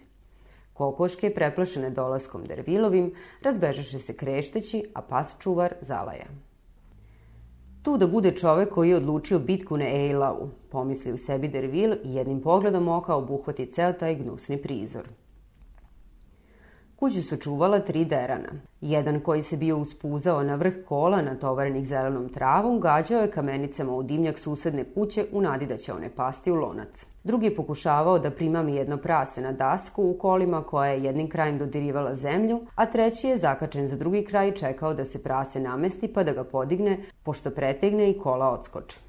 Kad ih Dervil zapita da li tu stanuje gospodin Šaber, ni jedan ne odgovori i sva trojica ga pogledaše s duhovitom tupovašću ako je dozvoljeno združiti te dve reči. Dervil ponovi svoje pitanje bez uspeha. Postavši nestrpljiv zbog podrugljivog izraza trojice u Gursuza, onih oba su šaljivim grdnjama kako mladići misle da mogu da se obraćaju deci, a derani prekinuše ćutanje izazivačkim smehom. Dervil se naljuti. Pukovnik koji ga ču izađe iz niske sobice koja se nalazila do mlekarnika i pojavi se na vratima s vojničkom ravnodušnošću koja se ne može opisati. Drže u usima dobro ispušenu lulu, kako se pušači stručno izražavaju. Prostu porculansku lulu s kratkim kamišem. Podiže štit strašno zamazane kačkete, spazi dervila i zgazi preko đubreta da bi što pre stigao do svog dobrotvora, podviknuvši prijateljski deranima. Mir u stroju. Deca odmah zaćutaše s puno poštovanja, po čemu se videlo kakvu vlasti nad njima ima ovaj stari vojnik. Zašto mi niste pisali, reče on Dervilu. Idite pokraj staje za krave. Pazite tu da kaldrmi, povika on kad vide kako se advokat predomišlja jer nije hteo da zgazi u đubre. Skačući s kamena na kamen, Dervil stiže na vrata na koje je pukovnik izašao. Videlo se da je Šaberu vrlo neprijatno što mora da ga primi u svoje sobi. Zaista, Dervil u njoj spazi samo jednu stolicu. Pukovnikova postelja bila je nekoliko navijaka slame preko kojih mu je gazdarica prebacila dve, tri od onih ponjava, ko zna odakle pokupljenih koje mlekarice nameštaju na sedište u svojim kolima. Pod je bio jednostavno od nabijene zemlje. Memljivi zelenkasti naprsli zidovi udarali su tako jako na vlagu da je zid uz koji je pukovnik spavao bio pokriven asurom. Čuvena kabanica visila je na jednom klincu. Dva propala para cipela ležala su u jednom uglu. Ni traga od rublja. Na rasklimatanom stolu bili su rašireni izveštaji velike armije, u izdanju planšeovom bili su izgleda svakodnevno pukovnikovo štivo čije je lice bilo mirno i vedro usred ove bede. Od njegove posete Dervilu kao da se izmenio izraz njegovih crta, jer mu advokat otkri na licu tragove srećnih misli, naročito zračak koji je Nada tu ostavila. Da li vam smeta dim iz lule, reče on, pružajući svom advokatu upola razvaljenu slamnu stolicu. Ali pukovniče, vama je ovde užasno rđavo. Ove se reči oteše Dervilu iz onog nepoverenja koje je urođeno advokatima i onog iskustva na koje ih rano priviknu strašne skrivene drame kojima prisustvuju. Ovaj je čovek, pomislio on u sebi, upotrebio svakako moj novac da zadovolji tri grešne strasti svakog vojnika. Karte, vino i žene. Tačno je, gospodine, da mi ovde ne plivamo u raskoši. Ovo je vojnički logor ulepšen prijateljstvom, ali ovde se vojnik zagleda pravo upravnika. Ali nisam nikome zlo učinio, nisam nikoga nikad odgurnuo i spokojno spavam. Advokat pomisli da ne bi bilo lepo tražiti da mu njegov klijent položi račun o novcu koji mu je izdao i reče mu samo Zašto niste došli u Pariz gde biste živeli isto tako jeftino kao ovde, ali bolje? Ali, odgovori pukovnik, ovi dobri ljudi kod kojih stanujem primili su me, besplatno hranili čitavu godinu dana. Kako da ih ostavim kad sam imao nešto malo novaca? A onda otac ovih triju derana je stari Egipćanin. Kako Egipćanin? Mi tako zovemo one vojnike koji su se vratili s pohoda u Egipat u kome sam i ja učestvovao. Pored toga što su svi oni koji su se otuda vratili pomalo braća, jer njoj je bio tada i u mome puku. Mi smo delili vodu u pustinji. Najzad nisam još naučio ovu dečurliju da čitaju. Mogao vas ipak malo bolje smestiti za vaš novac. Šta ćete, reče pukovnik, i njegova deca spavaju kao i ja na slami, a žena i on nemaju bolje postelje, jako su siroti, znate. Poduhvatili su se posla koji prevazilazi njihovu snagu, ali ako dođem do svog imanja, ostavimo sada, dosta. Pukovniče, treba da primim sutra ili preko sutra vaše dokumente iz Heilsberga. Žena koja vas je izbavila još živi. Vraški novac, kad pomislim da ga nemam, uzviknu on i tresnu lulom o zemlju. Ispušena lula dragocena je za jednog pušača, ali je on to uradio prirodno iz toliko velikodušnih povuda da bi mu svi pušači pa i monopol oprostili tu uvredu koju je naneo duvanu. Anđeli bi možda pokupili razbijene komade. Pukovniče, vaš predmet je beskreno zamršen, reče mu Dervil, izlazeći iz sobe da se prošeta na suncu pored kuće. A meni, reče vojnik, on izgleda savršeno prost. Mislili su da sam mrtav, a ja sam tu. Vratite mi ženu i imanje, dajte mi generalski čin na koji imam pravo, jer sam proizveden za pukovnika carske garde u oči bitke na Ejlovu. Nije to tako prosto za sud, nastavi Dervil. Slušajte me, vi ste grof Šaber, slažem se, ali to treba sudskim putem dokazati ljudima kojima je u računu da poriču vaše postojanje. Prema tome vaši će dokumenti biti osporavani. Rasprava oko njih povući će 10-12 prethodnih pitanja – Sad će se ona rešavati po saslušanju obeju stranaka u Vrhovnom sudu i to će sve biti odvojene skupe parnice koje će se otegnuti makolike napore ja uložio. Vaši će protivnici zatražiti uviđaj i mi ga nećemo moći odbiti, pa će možda biti potreban sudski izveštaj iz Pruske. Ali u najboljem slučaju, pretpostavimo da sud brzo utvrdi da ste vi pukovnik Šaber. Znamo li mi kako će se rešiti pitanje vrlo bezazlene bigamije grofice Ferro?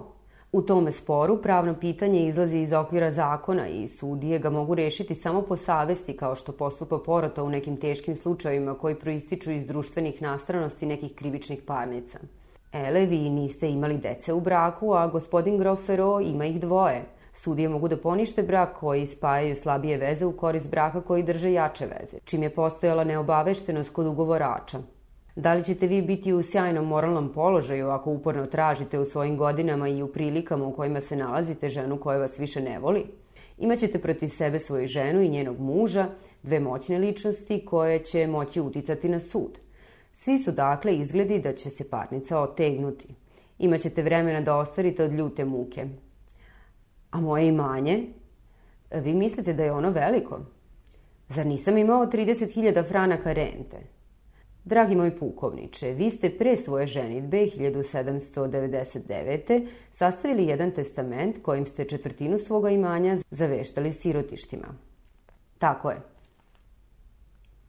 Ele, pošto se mislilo da ste mrtvi, zar nije trebalo pristupiti popisu likvidaciji da bi se ta četvrtina predala sirotištima? Vaša žena nije prezala ni od toga da zakine siromahe – Kad je vršen popis, ona se dobro pazila da ne pomene gotovinu, dragocenosti, navela je malo srebrnog posuđa, a namešta je procenjen za dve trećine ispod stvarne vrednosti, bilo što su išli na ruku, bilo da bi se platila manja poreza, a i zato što procenjivači odgovaraju za svoju procenu, tako da je po tom popisu vrednosti manja utvrđena na 600.000 franaka. Vaša udovica imala je pravo na polovinu te vrednosti. Sve je bilo prodato, ona je ponovo sve otkupila, na svemu zaradila i sirotišta su dobila svojih 75.000 franaka. Zatim, pošto je poreza morala da naplati, jer niste u testamentu pomenuli svoju ženu, car je jednim rešenjem vratio vašoj udovici onaj deo koji je pripadao državi. A sada, na šta imate pravo? Samo na 300.000 franaka bez odbitka troškova. I vi to nazivate pravdom, reče zabezeknuto pukovnik. Razume se. Lepa je to pravda. Takva je ona, jadni moj pukovniče. Sad vidite da to nije lako kao što ste zamišljali. Gospodja Fero može čak zahtevati da joj ostane deo koji je car dodelio. Ali ona nije bila udovica, rešenje nije punovažno. Slažem se, ali sve se može braniti, čujte me. Pod ovakvim okolnostima mislim da bi poravnanje i za vas i za nju bilo najbolje rešenje. Vi biste tako dobili veće imanje od onoga na koje biste imali pravo. To bi značilo prodati svoju ženu. Sa 24.000 franaka rente u vašem sadašnjem stanju naći ćete ženu koja će vam bolje priličiti od vaše i koja će vas učiniti srećnijim. Nameravam još danas da posetim groficu Fero da bih opipao kako bi se držala, ali nisam hteo ništa preduzimati dok vas ne obavestim. Hajdemo zajedno da je posetimo. Ovakvi kakvi ste, reče advokat. Ne, ne, pukovniče, nipošto. Tako biste mogli izgubiti potpuno svoju parnicu. Može li se moja parnica dobiti? U svim tačkama, odgovori Dervil, ali dragi moji pukovniče Šabere, vi ne vodite računa o jednoj stvari. Ja nisam bogat, ja nisam potpuno isplatio svoju advokatsku kancelariju. Ako vam sudovi i dodele proviziju, to je svotu koju možete unapred dobiti od svog imanja, dodelit će tek onda kada budu priznali da ste vi grof Šaber, veliki oficir legije časti. Gle, ja jesam veliki oficir Legije časti, zaboravio sam bio to, reče on prostodušno. A dotle, produži Dervil, zar se ne treba parničiti, trošiti na advokate, primati i plaćati rešenja, podmazivati sudske izvršioce i živeti? Troškovi oko pripremnih poslova popeće se onako od oka na više od 12 ili 15 hiljada franaka. Ja ih nemam jer me pritiska ogromna kamata koju plaćam čoveku koji mi je pozajmio novac za moju kancelariju. A vi, gde ćete ih vi naći?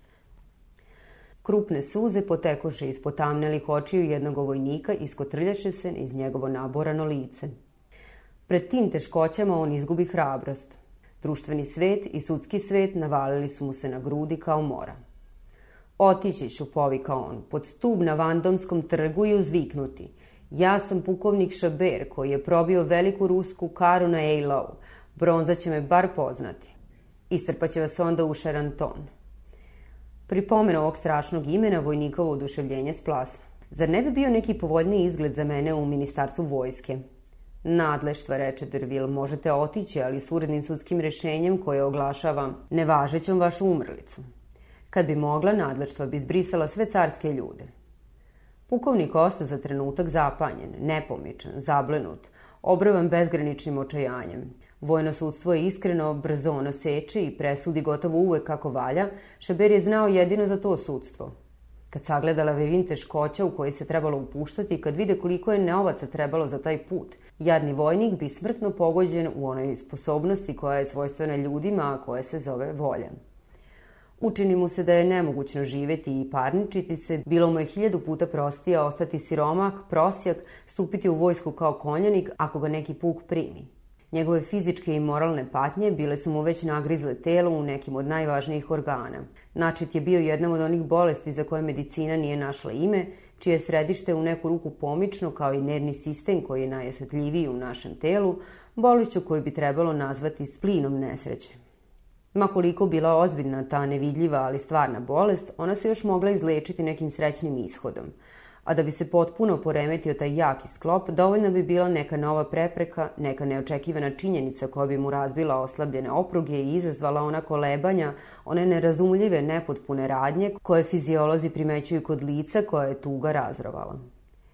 Kad primeti znake duboke utučenosti kod svoga klijenta, Dervil mu reče Budite hrabri, ova se stvar može svršiti samo povoljno po vas, ali razmislite prethodno da li možete unapred primiti ishod za koji budem smatrao da je najbolji za vas. Radite kako znate, reče Šaber. Dobro, ali vi to primate kao čovek koji u smrt ide. Zar neću i dalje ostati bez ličnosti, bez imena? Može li se to trpeti? Nisam ja tako naumio, reče advokat. Gledat ćemo da postignemo sporazum da se poništi vaša umrlica i vaš brak da biste opet došli do svojih prava. Uticajem grofa Feroa bit ćete čak primljeni u vojsku kao general i dobit ćete bez sumnje penziju. U redu, odgovori Šeber. Potpuno se na vas oslanjam. Poslaću vam punomoćje da ga potpišete, reče Dervil. Zbogom, samo hrabro. Ako vam treba novaca, možete računati na mene. Šaber steže čvrsto ruku Dervilu i ostade leđima naslonjen na zid, jer je imao samo toliko snage da ga očima prati. Kao i sve ljude koji se malo razumeju u sudskim stvarima, njega je plašila ova iznenadna borba. Za vreme ovog razgovora u više mahova izvirivao je iza stuba kapi jedan čovek koji je na ulici vrebao kad će se Dervil pojaviti i koji mu je prišao čim je ovaj izašao. Bio je to postariji čovek u plavom kratkom kaputu, beloj naborane kecelji kako nose pivari, s kačketom od vidrine kože na glavi. Lice mu je bilo tamno naborano, ali rumeno na jagodicama od prekomernog rada i preplanulo od sunca. Izvinite, gospodine, reče on Dervilu, zaustavljajući ga rukom, što uzimam slobodu da vam se obratim, ali čim sam vas video, pomislio sam da ste vi prijatelj našeg generala. Dobro, ali šta vi imate sa njim, reče Derville. Ko ste vi? Doda da nepoverljivi advokat. Ja sam Louis Vergniaud, odgovorio on odmah. Imao bih da vam kažem dve reči. Vi ste dali grofu Šaberu ovako lep stan? Oprostite, izvinite gospodine, on ima najlepšu sobu. Kada bih imao samo jednu i tu bih mu dao. Ja bih spavao u konjušnici. Čovek koji je toliko patio, koji uči moje švrće da čitaju, general, egipćanin, prvi poručnik kod koga sam služio vojsku. Ma samo da znate – Ne, ne, on ima najbolju sobu. Podelio sam s njim šta sam imao. Nažalost, nije to bog zna šta, malo hleba, mleka, jaja, u ratu ko u ratu, što se kaže. Sve to od srca. Ali nam je on nažao učinio. On? Da, gospodine, nažao da ne može gore. Latio sam se jednog posla koji prevazilazi moje snage, on je to dobro video. Sekirao se zbog mene i počeo da timari konje. Rekao sam mu, ali gospodine generale, Pusti, on će meni, neću da budem lenčuga, odavno znam ovaj zanat. Ele, bio sam svrh moje staje, uzeo novac na menicu od nekog gradoa. Poznajete li ga, gospodine?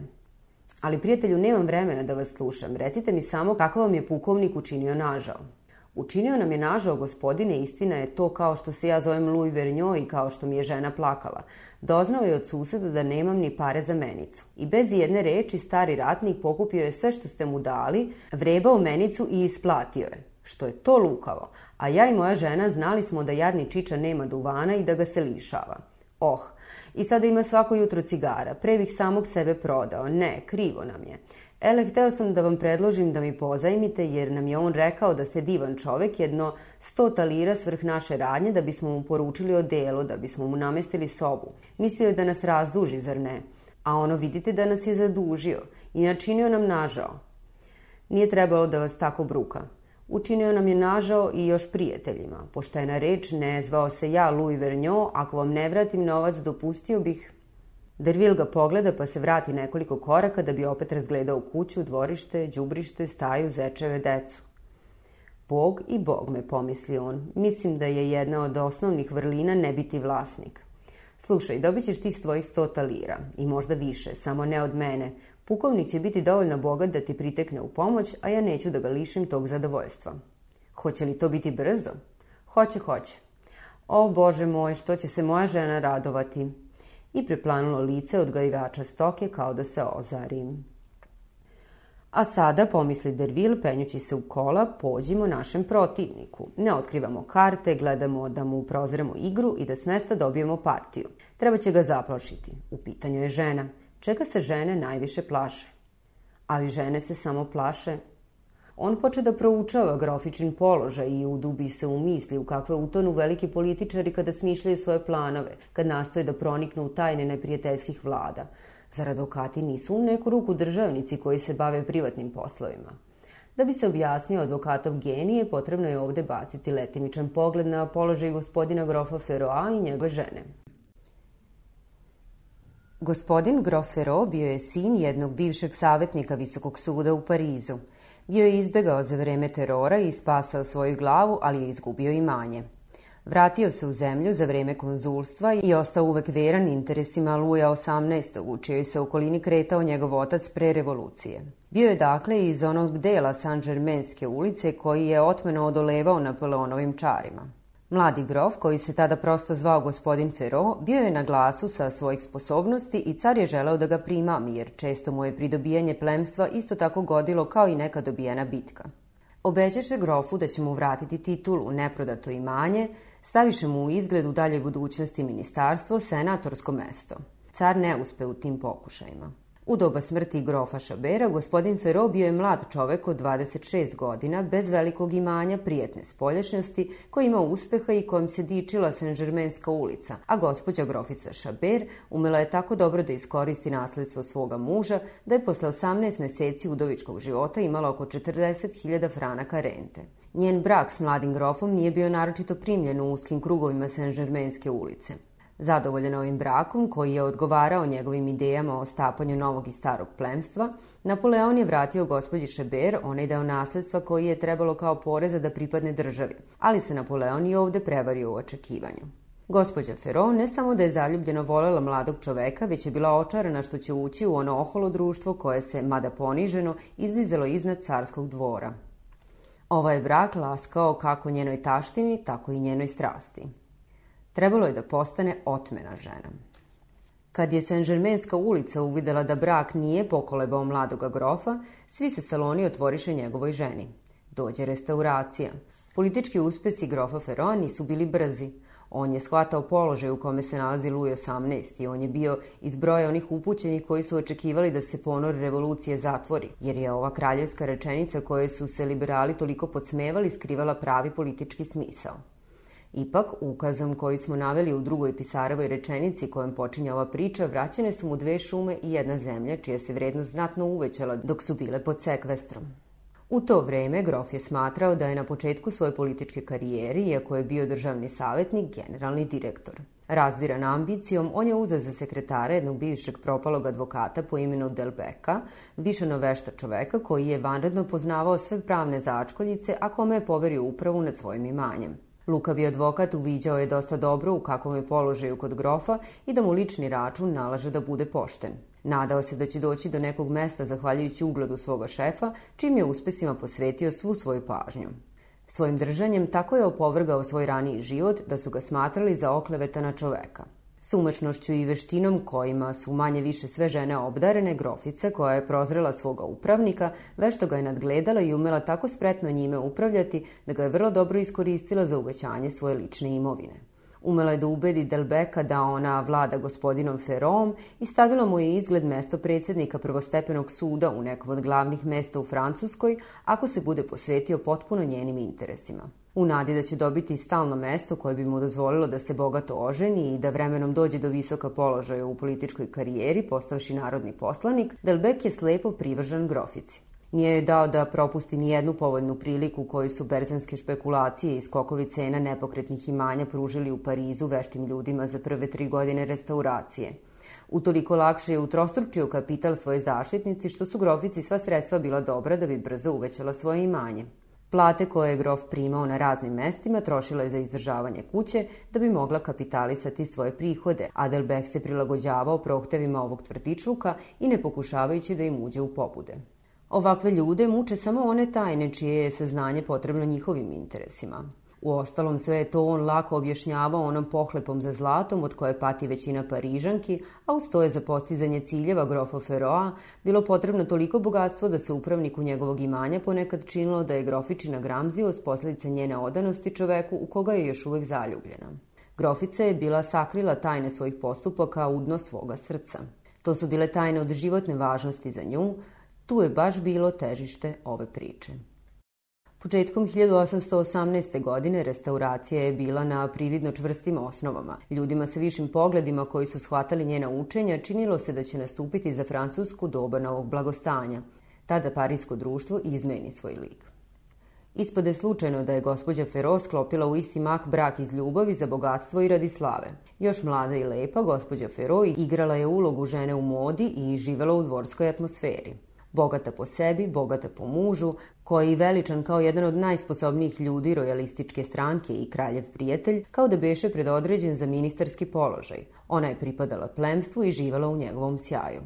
Usled toga triumfa otvorio je se jedna moralna rak rana. Ima osjećanja koja žene naslute, makoliko se ljudi starali da ih sakriju. Kad se prvi put kralj vratio, grof Feroz je bio već pomalo pokajao zbog svoje ženitbe. Udova pukovnika Šabera nije imala nikakvih veza, on je bio sam i bez oslonca na svome putu koji je bio pun prepreka i neprijatelja. A zatim, kad ju je mogao hladno oceniti, možda joj je pronašao neki nedostatak u vaspitanju koji joj je onemogućavao da mu pomogne u njegovim namerama. Jedna primenba koju je napravio na račun Taljeranove ženitbe otvorila je grofici oči i uverila je da ne bi nikada postala grofica Fero kada bi imala da se ponovo udaje. Koja bi žena oprostila takvo kajanje? Zar ona nema u klici sve uvrede, sve zločine, sva napuštanja svoje žene? A kako se ta primetba morala kosnuti grofičinog srca kad se zna da se ona pribojavala povratka svoga prvog muža? Ona je znala da je živ, bila ga je odgurnula. Docnije, kad o njemu ništa nije čula, uljuljkivala se verovanjem da je s carskim zastavama poginuo na Waterloo zajedno sa Butenom. Ipak je odlučila da grofa priveže za sebe najjačom vezom, zlatnim lancem i htela je da postane tako bogata da njeno bogatstvo učini neraskidivom vezu njenog drugog braka ako bi se slučajno grof Šaber opet pojavio. I on se pojavio, a ona nije mogla sebi da objasni zašto već nije počela borba koja se toliko plašila. Možda su je patnje u bolest bile oslobodile toga čoveka. Možda je već upala lud. Šar Antonio je mogao od njega osloboditi. Nije htela da se poveri Delbeku ni policiji iz straha da se ne potičini nekom ili da ne ubrza katastrofu. Ima u Parizu mnogo žena koje slično grofici Fero žive tako sa nekim nepoznatim moralnim čudovištima u sebi ili na rubu provalije zadebljala im koža onde gde ih boli i mogu da se smeju i zabavljaju. Ima nečega vrlo čudnog u položaju gospodina Feroa, pomisli u sebi Dervil, prenuši se iz dugog sanjarenja, u trenutku kada mu se kola zaustaviše u ulici Varen pred vratima Feroove palate. Kako to da on, bogataš i kraljev ljubimac, nije još per francuske? Možda i u kraljevim namerama, kako je govorila gospođa de Granlije, da dadne veliku važnost dostojanstvu pera time što ga neće olako dodeljivati. U ostalom, sin jednog savjetnika u Visokom sudu ne može da se meri ni s Krionom, ni s Roanom. Grof Ferro može ući u gornji dom samo na kapiđik. Ali, kad bi mu poništili brak, zar ne bi mogao da nasledi na veliko kraljevo zadovoljstvo dostojanstvo jednog od onih starih senatora koji od potomstva imaju samo kćeri? Zgodna patka da zaplaši groficu, pomisli on u sebi, penjući se u stepenice. Dervil je i nesluteći stavio prst na tajnu ranu, uvukao ruku u rak ranu koja je mučila gospođu Fero. Primila ga je u lepoj zimskoj trpezariji gde je doručkovala igrajući se s jednim majmunom koji je bio privezan na jedan mali stup. Grofica je imala na sebi elegantnu kućnu haljinu. Kovrđe njene kose, nemarno prikačene, virile su ispod kape koje je davala vragolast izgled. Bila je sveža i nasmejana. Srebro, pozlata, sedev blistali su na stolu, a oko nje bilo je redkog cveća u divnim porculanskim vazama.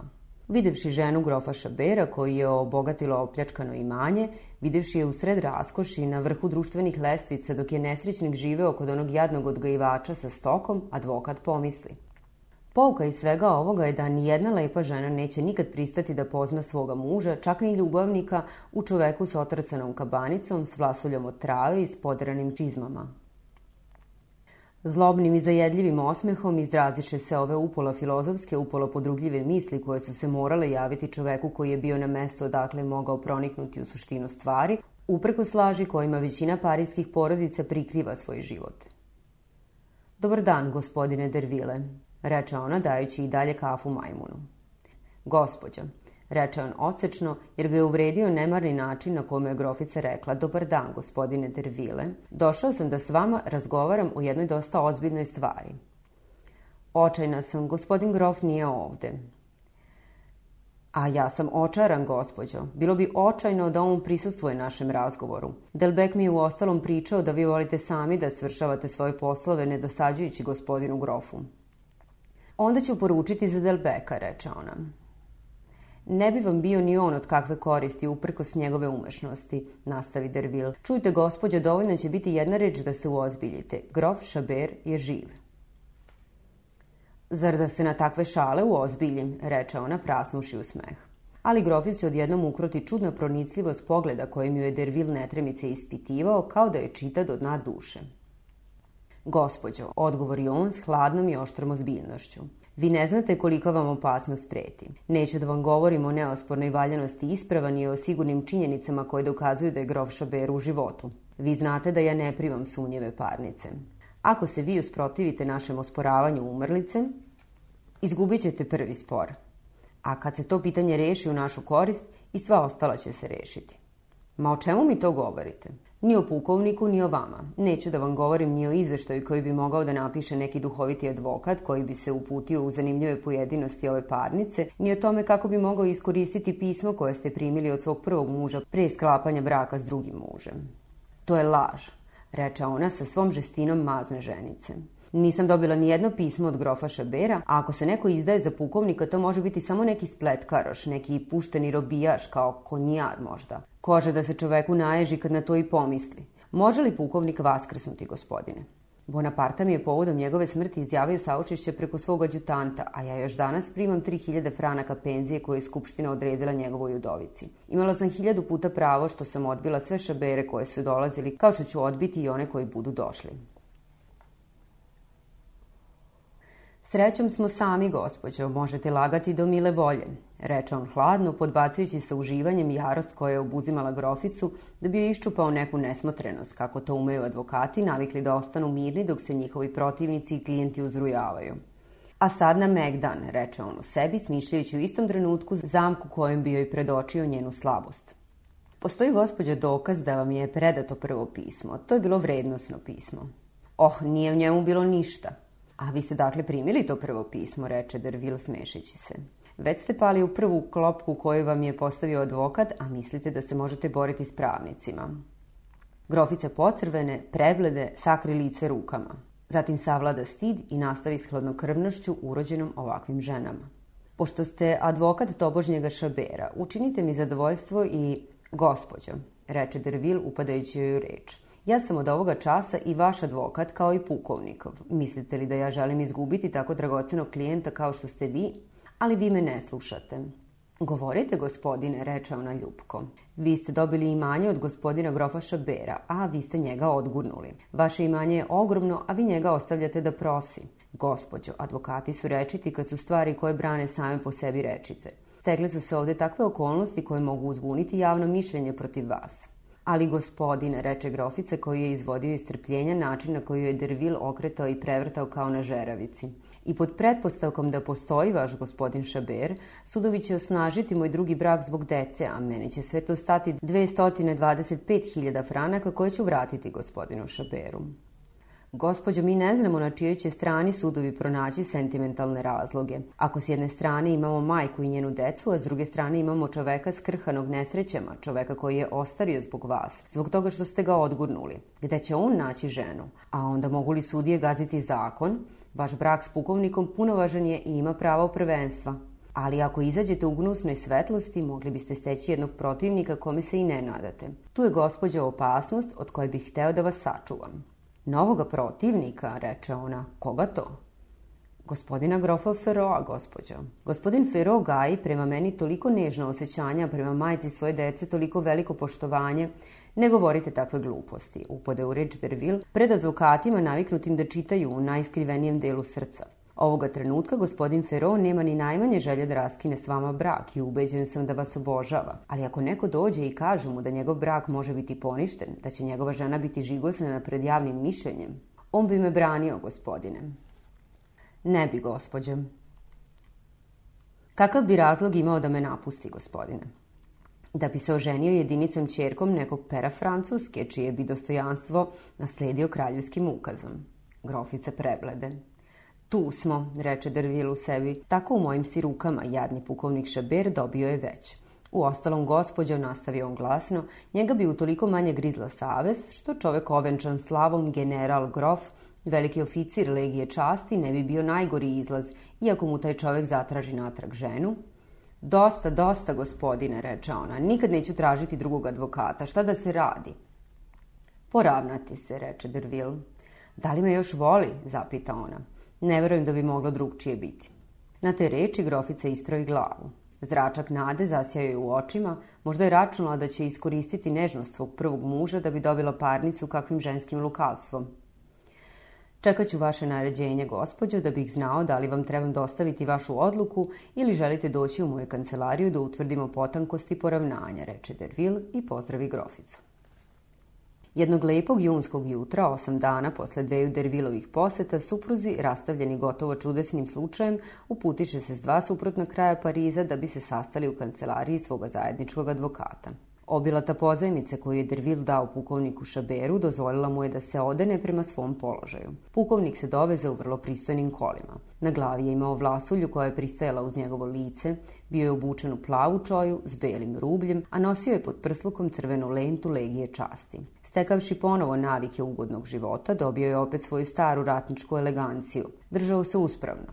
Njegovo lice, ozbiljno i tajanstveno, na kome se ocrtavala sreća i sve njene nade, izgledalo je podmlađeno i punije. Nije više ličio na šabera sa starom kabanicom kao što bakarni novčić ne liči na novoskovani zlatnik. Ko bi ga video u prolazu, lako bi u njemu poznao jednog od onih sjajnih preživelih boraca naše stare armije, jednog od onih junačkih ljudi u kojima se ogleda naša nacionalna slava i koji je predstavljaju kao što se u komadu razbijenog ogledala obesjenog suncem odrazuju na izgled svi njegovi zraci. Ovi stari vojnici su i stike i knjige u isti mah. Kad grof siđe iz svojih kola da bi se popeo kod drvila, skoči lako kao mladić. Čim njegova kola zaokrenuše, prispeše jedne lepe kočije ukrašene grbovima. Iz njih izađe gospođica grofica Fero u haljini jednostavnoj, ali vešto skrojenoj da bi isticala njen mladalački lik. Na glavi je imala divan šešir s ružičastom postavom, koji je savršeno uokviravao njeno lice, prikrivao mu crte i podmlađivao ga. Ako su klijenti bili podmlađeni, kancelarija je ostala nepromenjena i pružala onu istu sliku čijem je opisom i počela ova priča. Simonen je doručkovao, oslonjen ramenom na prozor koji je bio otvoren, posmatrao je plavetnilo neba kroz onu prazninu nad dvorištem između četiri crne zgradurine. Ah, povika mladić, ko će da se kladi za jedno mesto u pozorištu da je pukovnik Šaber general i veliki oficir legije časti? Naš gazda je pravi čarobnjak, reče Gočal. Ne možemo više terati šegu s njim, zapita Deroš. Postaraće se za to njegova žena, grofica Fero, reče Bukar. Ele, reče Gočal, znači da bi grofica Fero imala dva, evo je, upade Simonen. Istog trenutka uđe pukovnik i zapita za drvila. Tu je gospodine grofe, reče Simonen. Ti dakle nisi gluv, mali ugursuze, reče Šaber, hvatajući trčkala za uvo i uvijajući mu ga na zadovoljstvo pisara, koji počeše da se smeju, gledajući pukovnika sa radoznalim uvažavanjem koje se dugo jednoj tako uvaženoj ličnosti. Grof Šaber bio je već kod Ervila kad njegova žena stupi na vrata kancelarije. Ej, Bukare, ale će biti neobičan prizor u gazdinoj sobi. Ova vam žena može ići parnik dana kod grofa Feroa, a neparnik kod grofa Šabera. Prestupnih godina, reče Gočal, račun će se poklopiti. Da ćutite, gospodo, mogu da nas čuju, reče strogo Bukar. Nigde se u kancelarijama ne zbijaju kao ovde šale s klijentima. Kad se grofica pojavi, Dervili je bio sklonio pukovnika u svoju spavaću sobu. Gospodjo, reče je on, Pošto nisam znao da li bi vam bilo ugodno da vidite gospodina grofa Šabera, ja sam vas razdvojio. Ali ako želite... Gospodine, zahvaljujem na toj pažnji. Spremio sam koncept ugovora o čijim uslovima možete s mesta raspravljati s gospodinom Šaberom. Ići ću na izmenično od jednog do drugog i saopštavati prigovore koje svako od vas bude napravio. Da vidimo, gospodine, reče grofica malo nestrpljivo.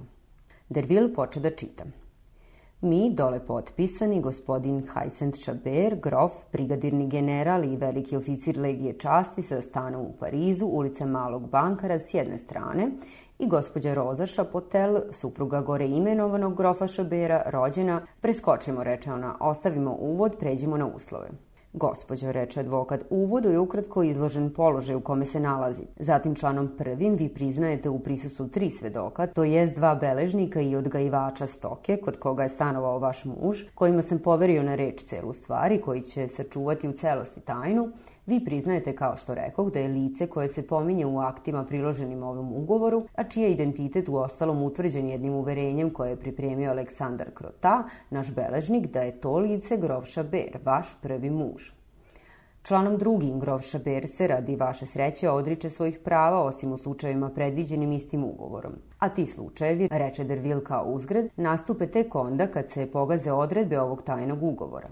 Sa svoje strane, produži on, gospodin Šaber pristaje da sporazumno s vama zatraži sudsko rešenje kojim će biti poništena njegova umrlica i izrečen raskid njegovog braka.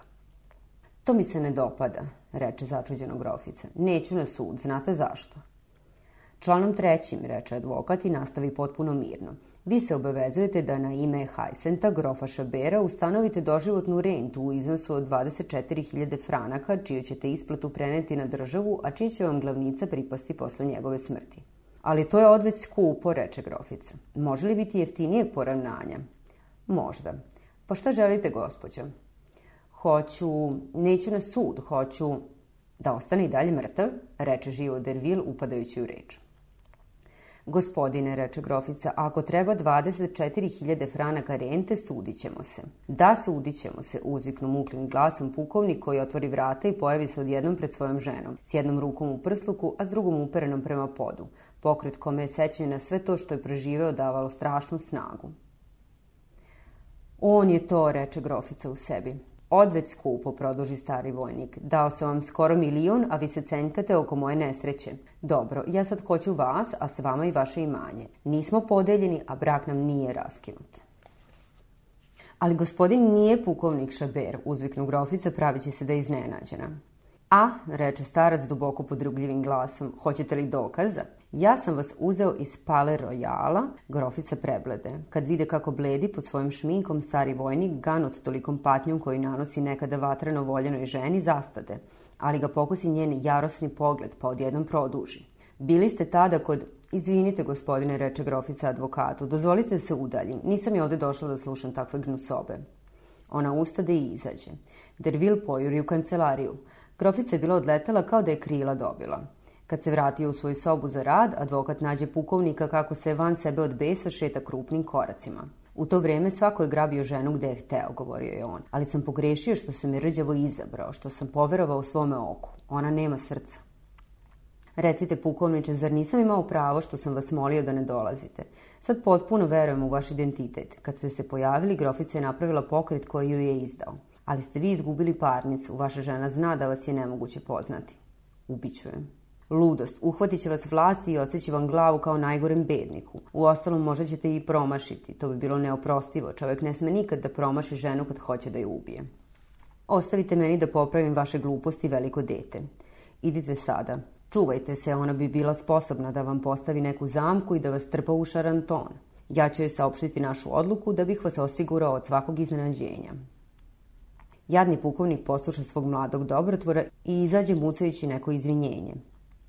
Silazio je lagano niz mračne stepenice, udubljen u crne misli, s moždan moguće udarom koji mu je zadat najsvirepijim od svih za njega, udarom koji mu se najdublje zario u srce i kad stiže na poslednje odmorište, začu šuštanje nečije haljine, a njegova žena se pojavi. Hodite, gospodine, reče mu ona, hvatajući ga za ruku onako kao što je nekad običavala. Grofičin postupak, njen glas koji je postao ljubazan, bili su dovoljni da utišaju pukovnikovu jarost i on pusti da ga povede do kola. No, penjite se, reče mu grofica čim sluga otvori vratanca. I on se nađe kao nekim čudom pored svoje žene u kočijama. Kuda želi gospođa, zapita sluga. U Grosle, reče ona. Konji krenuše i pređoše ceo Pariz. Gospodine, reče grofica pukovniku glasom koji je odavao jedno od onih uzbuđenja koje su redka u životu i koje u nama sve uzbude. U takvim trenucima srce, tkivo, živci, lice, duša i telo, sve, svaka čak pora uzdrhti. U nama kao da nema više života, on iz nas izlazi i izbija, prenosi se kao zaraza, predaje se pogledom, naglaskom, pokretom i nameće našu volju drugima. Stari vojnik uzdrhta, čujući tu jednu reč, to prvo, to strašno, gospodine. Ona je bila u isti mah prekor, molba, oproštaj, nada, očaj, pitanje, odgovor. Ta reč je sve obuhvatala. Samo je prava glumica mogla da u jednu reč unese toliko rečitosti, toliko osjećanja. Istina nije tako potpuna u svom izrazu, ona se ne ispolji sva, nju treba zagledati unutra. Pukovnik se hiljadu puta pokaja zbog svojih sumnji, svojih zahteva, svoje srđbe i obori oči da sakrije svoju zbunjenost. Gospodine, nastavi grofica posle jednog neprimetnog zastoja, doista sam vas poznala. Rozino, reče stari vojnik, te reči su jedini melen koji može da mi odagne iz pameti moje nesreće. Dve krupne, tople suze skotrljaše se na ruke njegove žene, koje steže s očinskom nežnošću. Gospodine, produži ona, kako niste mogli da osetite koliko je za mene mučno da se pred jednim strancem pojavim u tako lažnom položaju kao što je moj? Ako moram da crvenim zbog položaja, neka to bar bude u porodici. Zar ova tajna ne treba da ostane pokopana u našim srcima? Vi ćete mi, nadam se, oprostiti moju prividnu ravnodušnost prema nesrećama jadnoga šabera, u čije postojanje nisam mogla verovati. Primila sam vaša pisma, reče ona živo, videvši da se na licu njenog muža pojavljuje neki prigovor. Ali su mi ona stigla tek 13 meseci posle bitke kod Ejlova, a bila su otvorena, prljava, rukopis im se nije mogao poznati. I ja sam mislila, pošto sam dobila Napoleonov potpis na svom novom bračnom ugovoru, da neki vešti spletkaroš hoće da mi podvali. Da ne bi remetila mir gospodinu Ferou i slabila porodične veze, morala sam biti oprezna prema lažom šaberu. Zar nisam imala pravo, recite mi? Da, imala si pravo, a ja sam glupak, brav, stoka, što nisam umeo da bolje ocenim u kakav te položaj dovodim. Ali kuda idemo? reče pukovnik videći da ulaze u šapelu. Na moje imanje kraj Groslea, u dolini Montmaransija. Tu ćemo, gospodine, zajedno razmisliti šta da preduzmemo. Ja znam šta mi je dužnost. Ako sam vaša po zakonu, ja vam stvarno više ne pripadam. Zar vi želite da nam se ceo Paris smeje?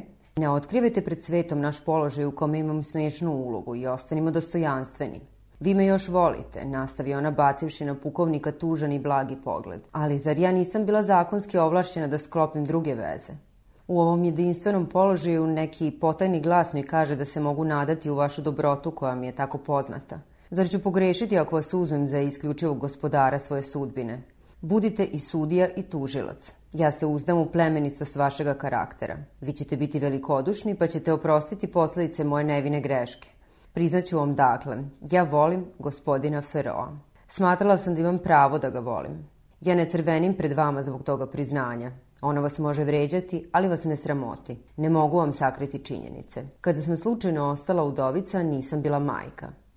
Pukovnik dade znak rukom ženi da ne govori i ostadoše tako neizustivči ni reč čitavo pola milje vožnje. Šaberu se činilo da vidi pred sobom dvoje male dece. Rozino, gospodine, zar mrtvi greše što se vraćaju?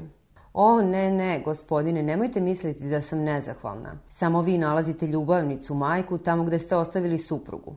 Ako nije više u mojoj moći da vas volim, znam sve što vam dugujem i mogu vam još ponuditi svu ljubav jedne kćeri. Rozino, produži starac blago, ništa više ne osjećam protiv tebe. Zaboravit ćemo sve, dodade on s jednim od onih osmeka čija je ljubkost uvek odraz lepe duše. Nisam toliko nepažljiv da od žene koja me više ne voli tražim da se pravi da me voli.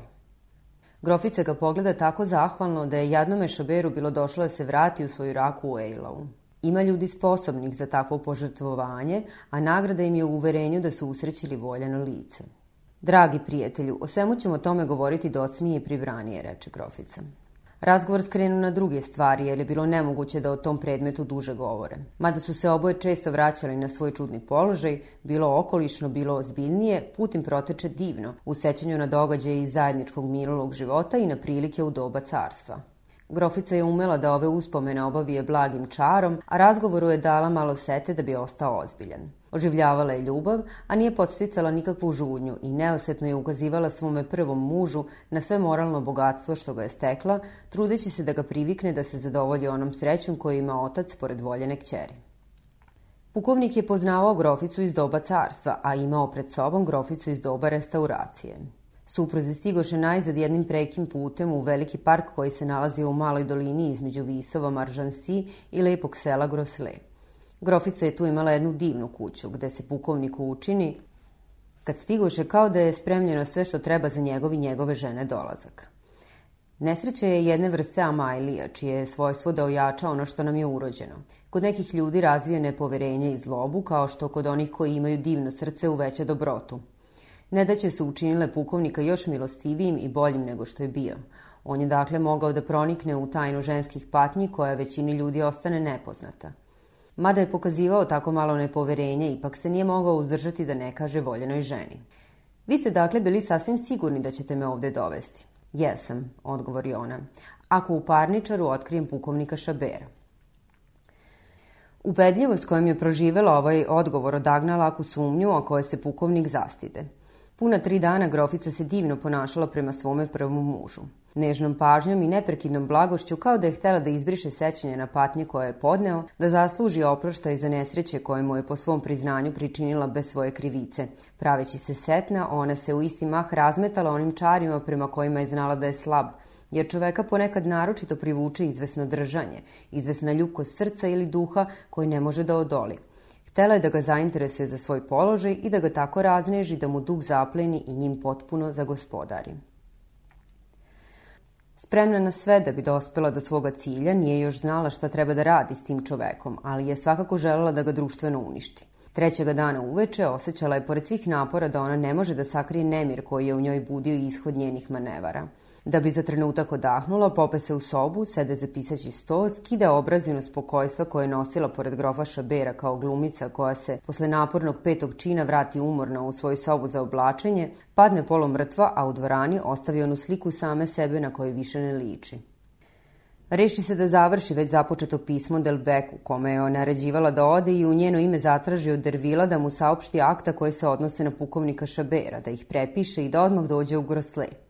Tek što je bila završila, a u hodniku začu korake pukovnika koji je bio uznemiren i tražio je. Oh, reče ona glasno, ne živi mi se više, nepodnošljiv je moj položaj. Draga moja, reče pukovnik zgrabavši ruke svoje ženi, odlučio sam da se potpuno žrtvujem radi vaše sreće. Nemoguće, povika ona i otaje se jedan grčevit pokret. Pomislite samo da biste morali da se odreknete samog sebe i da puno važno... Šta, reče pukovnik, zar vam nije dovoljna moja reč? Reč punovažno kosmo se starca i nehotice probudi u njemu izvesno nepoverenje. On je ošinu pogledom od koga ona pocrvene, obori oči, a on se poboja da će biti primoran da je prezre. Grofica pretrnu od straha da nije uplašila neobuzdanu čestitost čoveka čiji je plemeniti karakter, čije je urođene vrline poznavala. Iako su ove misli zamaglile njegovo raspoloženje, brzo se uspostavi dobar sklad između njih. Evo kako. Dečiji vrisak začu se iz daljine. Žile, ostavi sestru na miru, uzviknu grofica. Šta, vaša su deca ovde, reče pukovnik. Jesu, ali sam im zabranila da vam dosađuju. Stari vojnik oseti sve obzire, svu žensku pažnju koja se krila u tom tako ljubkom postupku i zgrabi grofičinu ruku da je poljubi. Ali neka dođu, reče on. Devojčica je trčala da se požali na svog brata. Mama, mama, on me, ona me. Ruki su bile pružene majci, a oba se dečija glasa stapahu. Bila je to nenadana i divna slika. Jadna deca, uzviknu grofica, nemoguće više zadržati suze. Treba će ih ostaviti. Kome će ih sud dati? Majčino se srce ne može deliti. Ja ih tražim za sebe. Jeste li vi rasplakali mamu? reče Žil pogledavši mrgodno pukovnika. Ćutite, Žile, uzviknu majka strogim glasom. Oba deteta ostadoše stojeći i zaćutaše, promatrajući majku i stranca s radoznalošću koja se ne može rečima opisati. Oh da, nastavi ona, ako me razvedu od grofa, neka mi ostave decu i bit ću pokorna. Ove su reči bile presudne i postigoše uspeh kome se od njih i nadala. Da, uzviknu pukovnik kao da je dovršavao rečenicu u mislima započetu. Ja se moram vratiti pod zemlju. Odlučio sam to u sebi.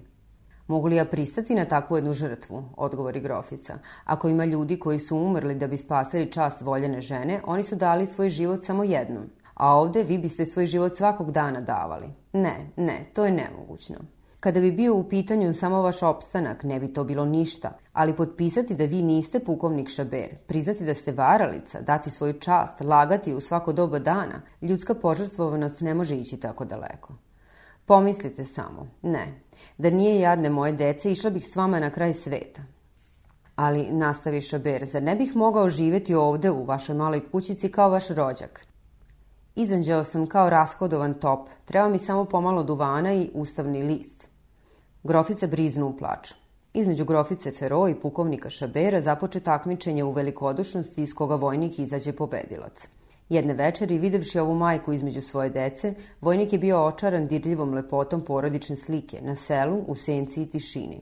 On se reši da ostane mrtav i ne plašeći se više punovažnosti akta, on zapita šta treba preduzeti da bi neopozivo osigurao sreću ove porodice. Radite kako nađete za shodno, odgovori mu grofica. Izjavljujem vam da se neću mešati u tu stvar. Ne smem to da činim.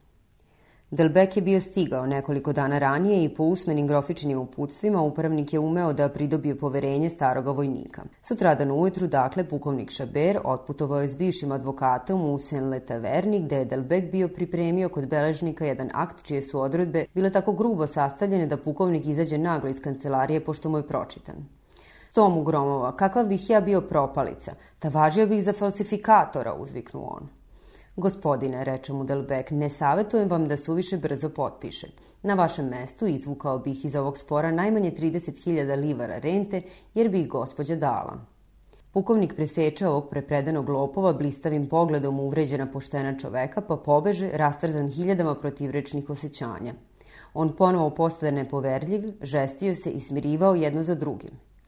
Najzad uđe u Groselski park kroz jednu rupčagu na zidu i lagano se uputi da bi se odmorio i razmislio na miru u odaju što je bila napravljena ispod čumske klupice odakle se video put za Saint-Lay.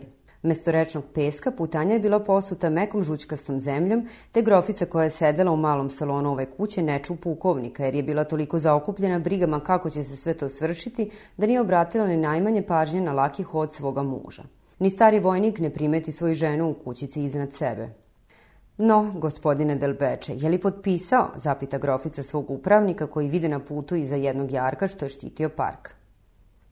Nije, gospođo, ne znam ni šta je bilo s njim. Matoro pljuse se uzjogunilo.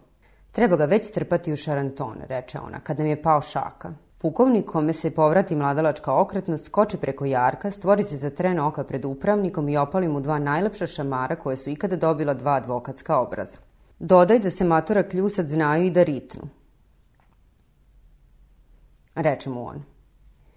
Kad ga prođe ova ljutina, pukovnik nije imao više snage da preskoči jarak. Istina se pokazala u svojoj nagodi. Grofičine reči i Dalbekov odgovor Grofičine reči i Dalbekov odgovor otkrili su zaveru čija je žrtva trebao da on bude. Pažnja koju su mu ukazivali bila je mamac kojim bi ga uhvatili u zamku. Izgovorene reči bile su kao kap nekog finog otrova koja je ponovo izazva kod starog vojnika njegove telesne i duševne bolove. On se uputi u šumsku kućicu kroz vrata na parku, hodajući lagano kao skrhan čovek. Dakle, za njega nema ni mira ni odmora. Od tog časa trebalo je početi s tom ženom onaj gnusni rat o kome mu je govorio Dervil, živeti u parničenju, hraniti se gorčinom, ispiti svako jutro čašu žuči. Zatim sama ta pomisao bila je strašna gde da nađe novac potreban za prve sudske troškove. Izgadi mu se toliko na život da bi se bacio u vodu da je bilo vode u blizini, da bi prosvirao sebi kuršum kroz glavu da je imao pištolj pri ruci. Zatim ponovo zapade u onu zbrku misli koja mu je posle razgovora s Dervilom kod odgajivača stoke bila izmenila duševno stanje. Najzad, kad stiže pred kućicu, pope se u gornju sobu kroz čije se okrugle staklene prozore pružao divan pogled na sve strane i tu nađe svoju ženu kako sedi na stolici. Grofica je posmatrala predeo i imala mirno držanje i onaj neprozirni izraz lica koji znaju da uzmu žene rešena na sve. Ona obrisa oči kao da je plakala i poče da se igra rasejano dugom ružičastom trakom na pasu.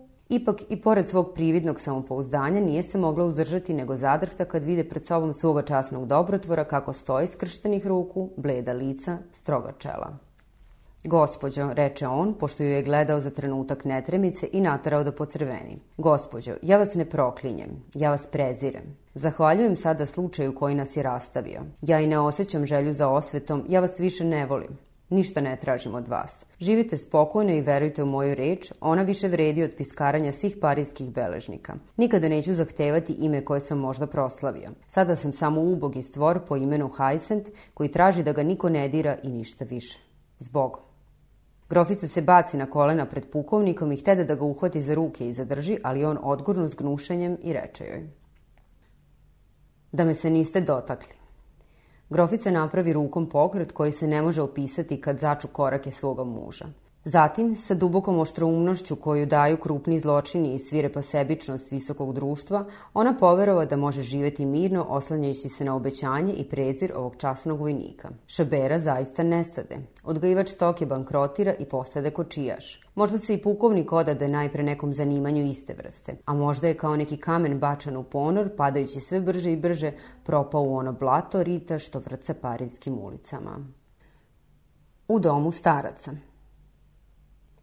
Šest meseci posle toga događaja Derville, koji nije čuo više ništa ni o pukovniku Šaberu, ni o grofici Fero, pomisli da su se svakako njih dvoje poravnali i da je grofica iz osvete obavilo to u nekoj drugoj kancelariji.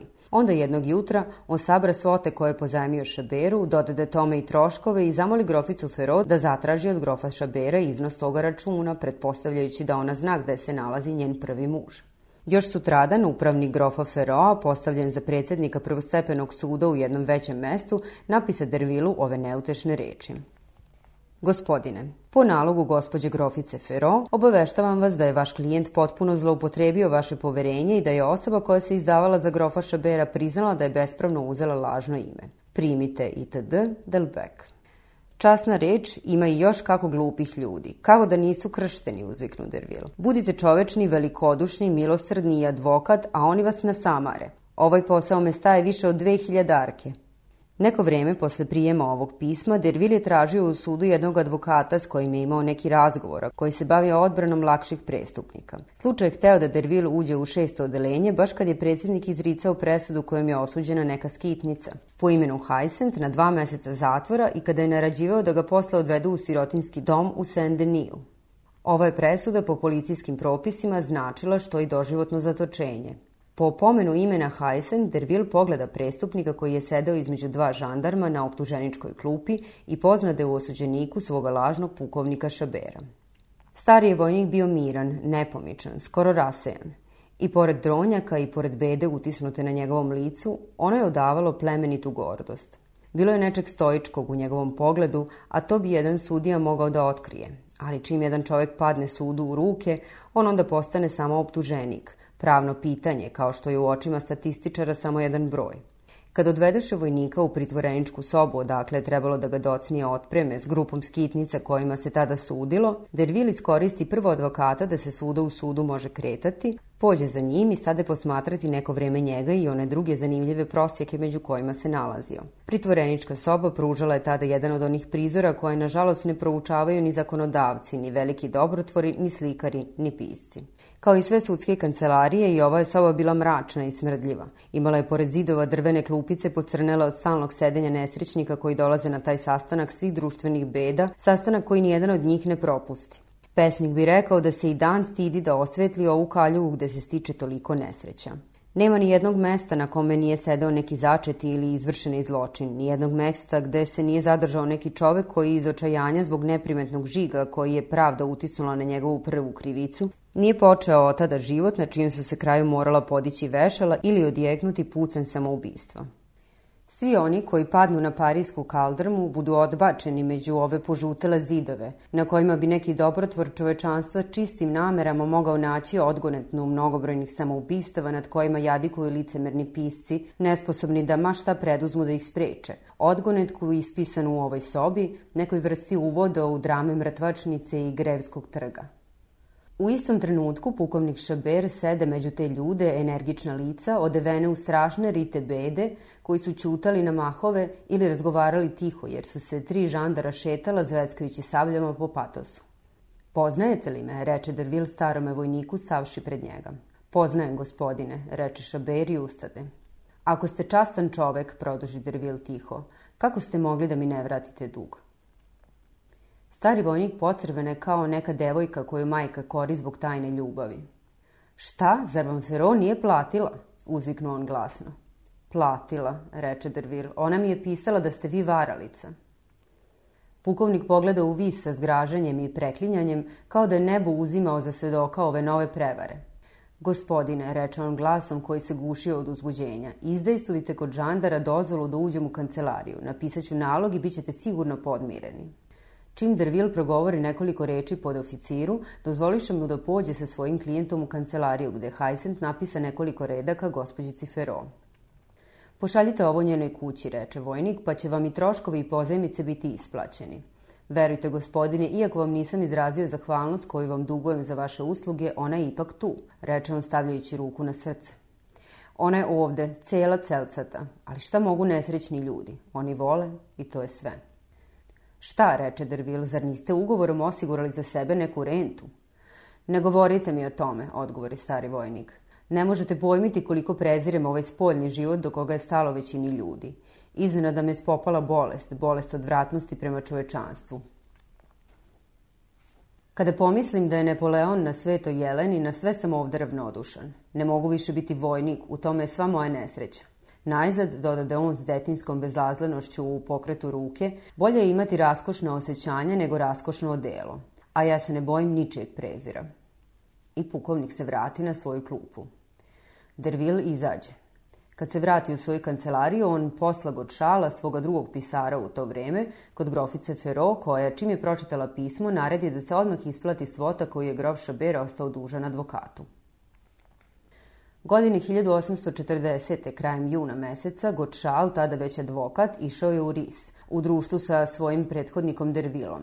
Kad skrenuše pod drvored koji vodi s glavnog puta u Bisetr, opaziše pod jednim brestom kraj puta jednog od onih sirotih staraca, sedih i oronulih, koji su dobili maršalsku palicu prosjaka, živeći u Bisetru kao što uboge žene žive u Salpetrijeri. Taj čovek, jedan od one 2000 nesrećnika koji su smešteni u domu staraca, sedeo je na jednom kamenu i bio na izgled sav zanet poslom koji često rade nemoćni ljudi, a koji se sastojao u tome što suše na suncu duvanske mrlje na svojim maramicama, da ih možda ne bi morali prati.